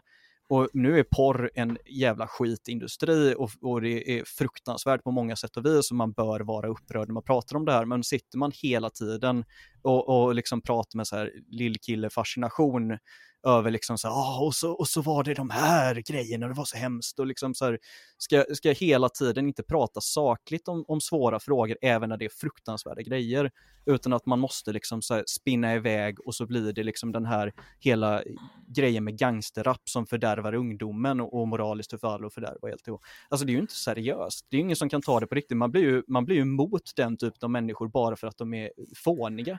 Och där, där är ju någonstans, där hamnar vi ju när det kommer till invandring, när det kommer till integration, när det kommer till migration, när det kommer till brottslighet. Vi hamnar ofta i ett läge där känslorna får fullständigt fritt spelutrymme och så ja. skiter vi liksom i vad, vad siffrorna säger, vad forskningen säger, vad, vad polisen säger, vad socialtjänsten säger. Det är liksom inte relevant för att det handlar mer om hur upplever vi, hur känner vi och där har ju media för att knyta, nu, förlåt nu har jag gått igång här så jag får bara köra Det är bra, kör! Eh, så, så är det liksom, är det ju en bild som bekräftas av att nej men det är så fruktansvärt, allting är kaos, nu, de skjuter på varandra i Rosengård, stäng ner Rosengård. Och det, är liksom, det, det, går inte att tänka på det sättet, utan man måste ha ett större perspektiv. Man måste titta på det med nyktra glasögon. Man måste ha, kunna förmågan att se saker i gråskala och se att saker är liksom inte definitiva, utan, utan man måste kunna ha ett öppet samtal, ett intelligent, ett vuxet samtal om svåra frågor mm. utan mm. att för den delen de som man inte håller med inte är dumma i huvudet utan att de gör andra slutsatser för att de har annat med sig. Men man väljer ju också ideologiskt vilka, eller när man lyssnar på experter och när man lyssnar på polisen, man lyssnar på socialtjänst. Eh, du har eh, det organiserade tiggeriet till exempel. Mm det fanns inte en polis, i varje fall här, det finns inte en polis här i Dalarna som inte visste att det här är fullkomligt organiserat. De hade koll på var de bodde, hur de sattes ut och vilka dagar de var på olika ställen. Men det var ju råttan i pizzan enligt, eh, enligt eh, vänstermedia. Och på andra sidan så har du, ju, har du ju högerkanten som vägrar lyssna på det här fakta om vinstutdelningen eh, till exempel. Mm. Alltså vem, vem, hur ska man kompensera för det? Att folk liksom bara blundar för fakta i, i vissa fall? Nej, men jag tror att då, nu, det är liksom det enda man kan göra, det är ju just att, att försöka lyfta de instanserna som har en förmåga att bedriva ett, ett, ett nyktert samtal. Och det var ju det vi var inne på att prata liksom med pressstöd och public service och sådana grejer. Där har vi ju möjligheterna för att kunna sätta villkor för vilken typ av samtal det ni ska ha. För att de har inte incitamentet att sälja eller att göra sånt som, som folk liksom kommer och, och, och vilja konsumera, utan där kan man liksom ha ett samtal som ställer högre krav på, på innehållet helt enkelt, att man ska kunna liksom ha folk som tycker olika saker, folk som har en, eh, har en poäng med varför de tycker olika saker och framförallt att man kan säga ifrån och där är nästan någonstans det jag skulle säga som den största kritiken mot media och framförallt public service, att man tycker det är synonymt med att så länge vi har bjudit in liksom folk från olika delar av, av eh, laget så får de sitta och skrika på varandra. Man måste ju vara mer modig med att när folk spinner iväg och bara pratar smörja och liksom sitter och kastar tårta på varandra, då får man gå in och stoppa och försöka liksom återgå till liksom ett sakligt samtal, för det är ju det vi behöver ha på alla de här frågorna, oavsett om det rör tiggeri eller om det rör liksom brott eller om det rör ojämlikhet. Vi måste ha ett nyktert samtal, kunna prata om det utifrån hur det faktiskt ser ut, hur verkligheten faktiskt är och hur siffrorna faktiskt, vad de säger oss istället för att vi liksom bara spinner iväg och blir förbannade på att vi inte tycker lika allihopa. Och där, där håller jag med dig. Problemet jag ser är att när du, ha, när du har en stat som har varit ja, så här, med små avbrott socialdemokratisk i hundra år. När det då kommer folk som har fakta som strider emot det liksom uh, vad ska jag säga, gällande, gällande det, det, den faktan som är okej okay just idag, mm. då ryker de. Alltså du har, du har Stefan Holgersson som är professor i, i polisvetenskap som inte fick en chefstjänst. Han var, han var, så här, han var professor i, i Oslo universitet. För det, det, det, han sa, som vi, nu, som vi nu fyra år efteråt vet var sant, det passade inte in i liksom världsbilden eh, då, 2015. Mm. Eh, Amir Sariastan, har du koll på han? Han är beteende... Alltså jag, jag, jag, jag ah, ut, utgår så här ifrån att namn och jag, vi är inte ah, goda nej. vänner, utan liksom så här, jag, jag pratar världen, om... Världens starkaste beteendegenetiker. Han, han bänkar 180 och ser ut som en björn. Ah. Eh, som jobbade mycket med sådana här tvillingstudier som vi har ganska bra data i Sverige just när det gäller kriminalitet. Ja och eh, kom fram till att ja, men så här, vi kollar tvillingar, enäggstvillingar som har samma genetiska uppväxt, som har blivit adopterade till två olika socioekonomiska verkligheter, har precis samma eh, risk för att hamna i brottslighet. Precis samma. Så det är så här genetisk determinism och det, det passar inte in i narrativet just nu. Mm. Ja, jag, jag, jag, kan, jag har inte läst uh, vare sig om honom eller någonting av studien och sånt mer än, mer än den uh, presentationen som du precis körde. Så ja. jag, jag, vågar inte uttala mig riktigt och jag försöker alltid Utgå ifrån att jag inte liksom. ljuger då. Nej, det, det gör jag alltid ja. i stort sett. Utan det, det, folk ljuger som regel inte, utan ibland som har missuppfattat grejer och sånt. Liksom. Men, men det, det, är alltid svårt och när det kommer till sådana större grejer så vill jag gärna liksom sätta mig in i det först innan jag egentligen uttalar mig. Men ja. om vi utgår från att du har rätt, vilket är alltid trevligare, Eh, så det är klart att alltså, den typen av människor blir också intressant att titta på, men problemet någonstans när vi pratar liksom så här med, med folk som är obekväma, folk som inte passar in, det är att ibland så har de också fel. De här oh ja. människorna som sitter och skriker och liksom tycker att nej, men nu blir jag överkörd av systemet. Ja, men det är för att du har fel. Alltså systemet gör rätt i att överköra dig. Och det är väl också en sån grej att vi behöver nog ha ett system som i viss mån kör över människor, för att hade vi haft, släppt in folk liksom hela det är ju det som är stora problem med miljöpolitiken idag, att man kör nya växlar hela tiden. Jag menar liksom när jag plockade min bil för fem år sedan, då var ju liksom dieselbil med AdBlue, det var ju det man skulle ha. Mm. Nu så får man inte köra dieselbil snart liksom. Och det, det blir jävligt svårt när man har den typen av tänk, alltså kvartalstänk i hela samhället, vilket jag tycker är ett stort problem att vi, vi har redan för mycket. Vad menar du med kvartalstänk? Nej, men att, att det ska liksom vara sn korta, snabba lösningar som ger effekt nu. Och sen vad som händer om ett halvår, det är inte lika mm. intressant för att då, är jag liksom, då har jag en ny position eller då är inte jag en del ja, av det längre. Helt, helt Utan det, det, är hela tiden liksom så här, hur löser vi det nu? Hur ser det bra ut på min nästa valsedel? Hur, hur, hur ser det bra ut på min nästa arbetsintervju? Äh, men jag hade det här asfeta kvartalet där jag gick upp i 25% lönsamhet. Men sen att man hyvlade av i hela personalstyrkan, mm. det, det, liksom, det, det skiter man ju i för att det var ju gröna siffror.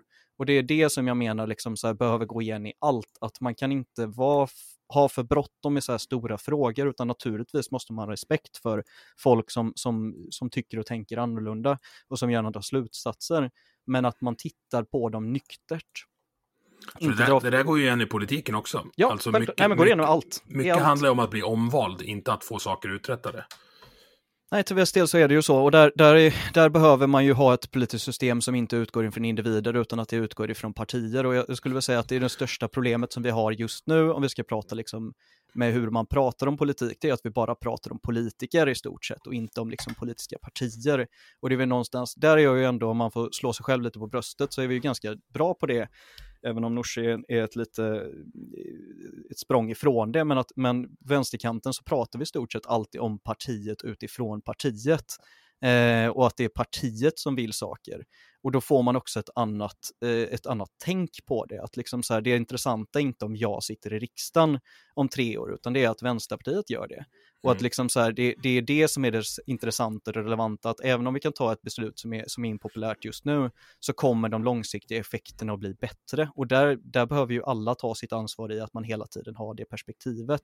Men jag tror som sagt att, att köra mer individualistiskt, köra ett mer individbaserat samhälle på, på framförallt när det kommer till det politiska forumet och politiska klimatet, men också det styre, samhällsstyrande. Det är jättefarligt, för då blir det just att du får människor som, som månar mer om sin egen politiska framtid än just vad som händer och vad som faktiskt blir konsekvensen av deras beslut. Mm.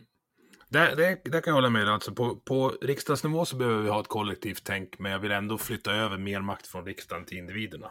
Det är min liksom lösning. Jag, vill ha mer infly- alltså jag, jag, kan till viss del hålla med dig, för att jag vill ha mer inflytande från individer. Alltså att man, att man verkligen lyssnar på folk i hela landet och, och, att man liksom tar, tar vara på alla människor och deras insyn och ingångar på ett helt annat sätt än vad man gör idag.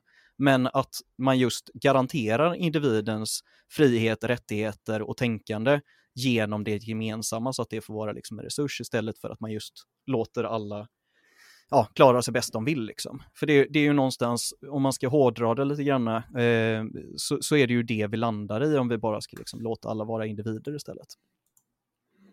Ja, där kommer vi inte vara överens, men jag tycker Men det är ju sån här grundbult, så det, ja. det, det, är jag med på att vi inte kommer vara överens om. Frågan är om Nooshi satte en ny nivå, alltså när, för det var, det var så fruktansvärt roligt när hon ut, utlöste misstroendeförklaringen här, mm. att helt plötsligt har vi en politiker som bara gör det hon har sagt att hon ska göra, och så blir alla andra förvånade. Mm.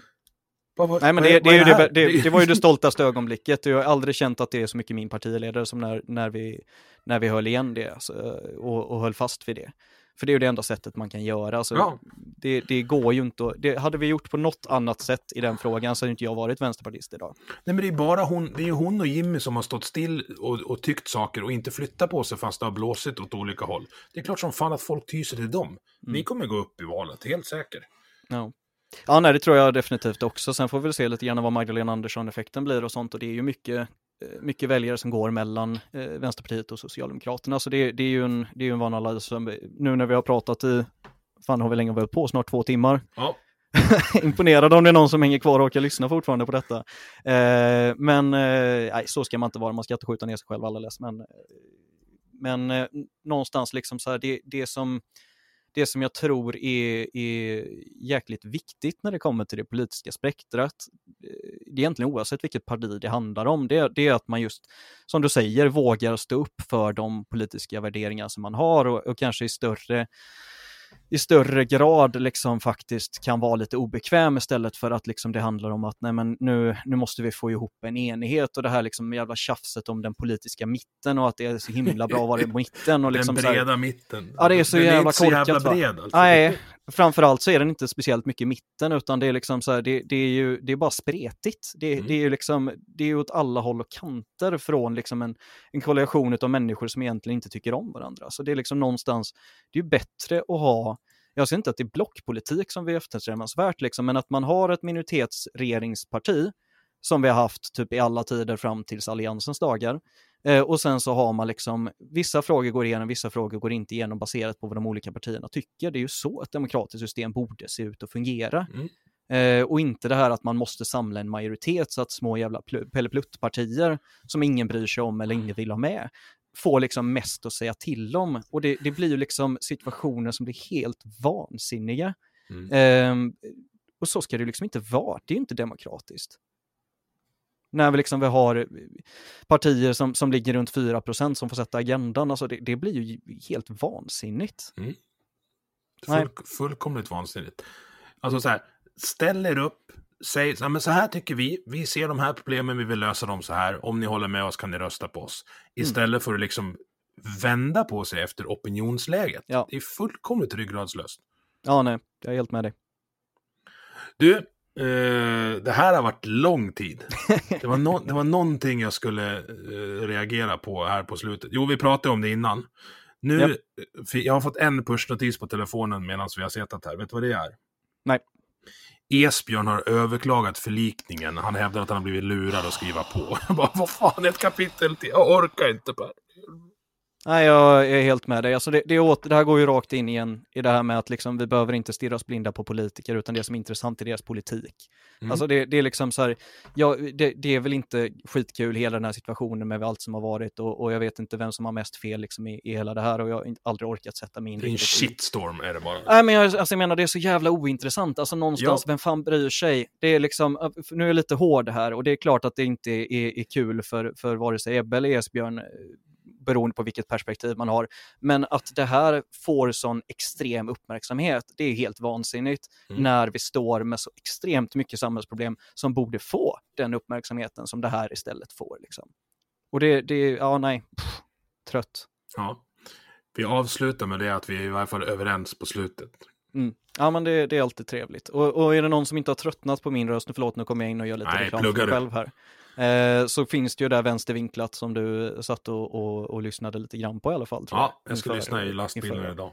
Ja, men det gör du rätt i. Eh, som, som, eh, om, där jag uttrycker mig lite klarare och, och mer beläst och framförallt så har jag med mig Vivian Johansson som har suttit i riksdagen för oss som, som har betydligt bättre koll än vad jag har. Eh, som blir lite vettigare liksom. Och sen har jag en egen podd också för den som vill, som vill lyssna på när jag pratar om öl eller eh, arbetsmarknaden eller någonting som heter Pappa ponerar och bloggar lite och sånt också. Så Mm. det finns mycket av mig om man, om man inte har tröttnat, men jag har full respekt om ni har tröttnat för det, det gör jag som regel.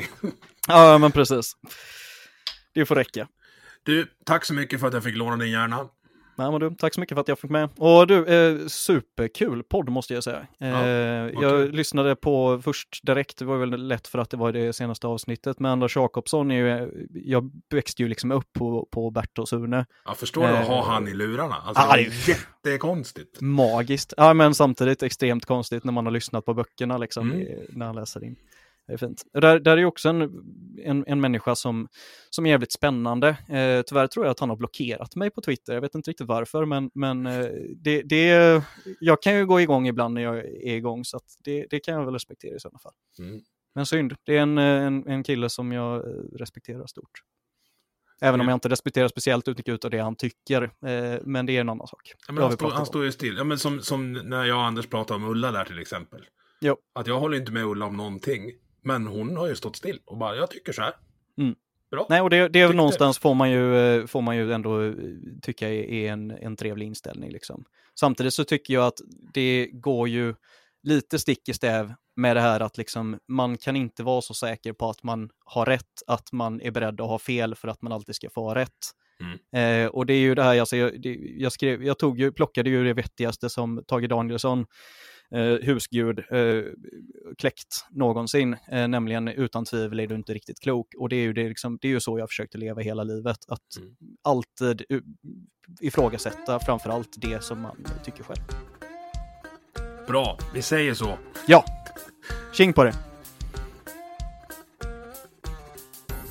Du har lyssnat på Vi måste prata som produceras av mig, Emil Nilsson. Tycker du om det du hörde? Dela avsnittet med dina vänner och på sociala medier. Vill du stötta podden kan du göra det via Patreon där du hittar den på patreon.com snedstreck vi måste prata i ett ord. Eller så swishar du en slant till nummer 123 671 46 79. Vi hörs!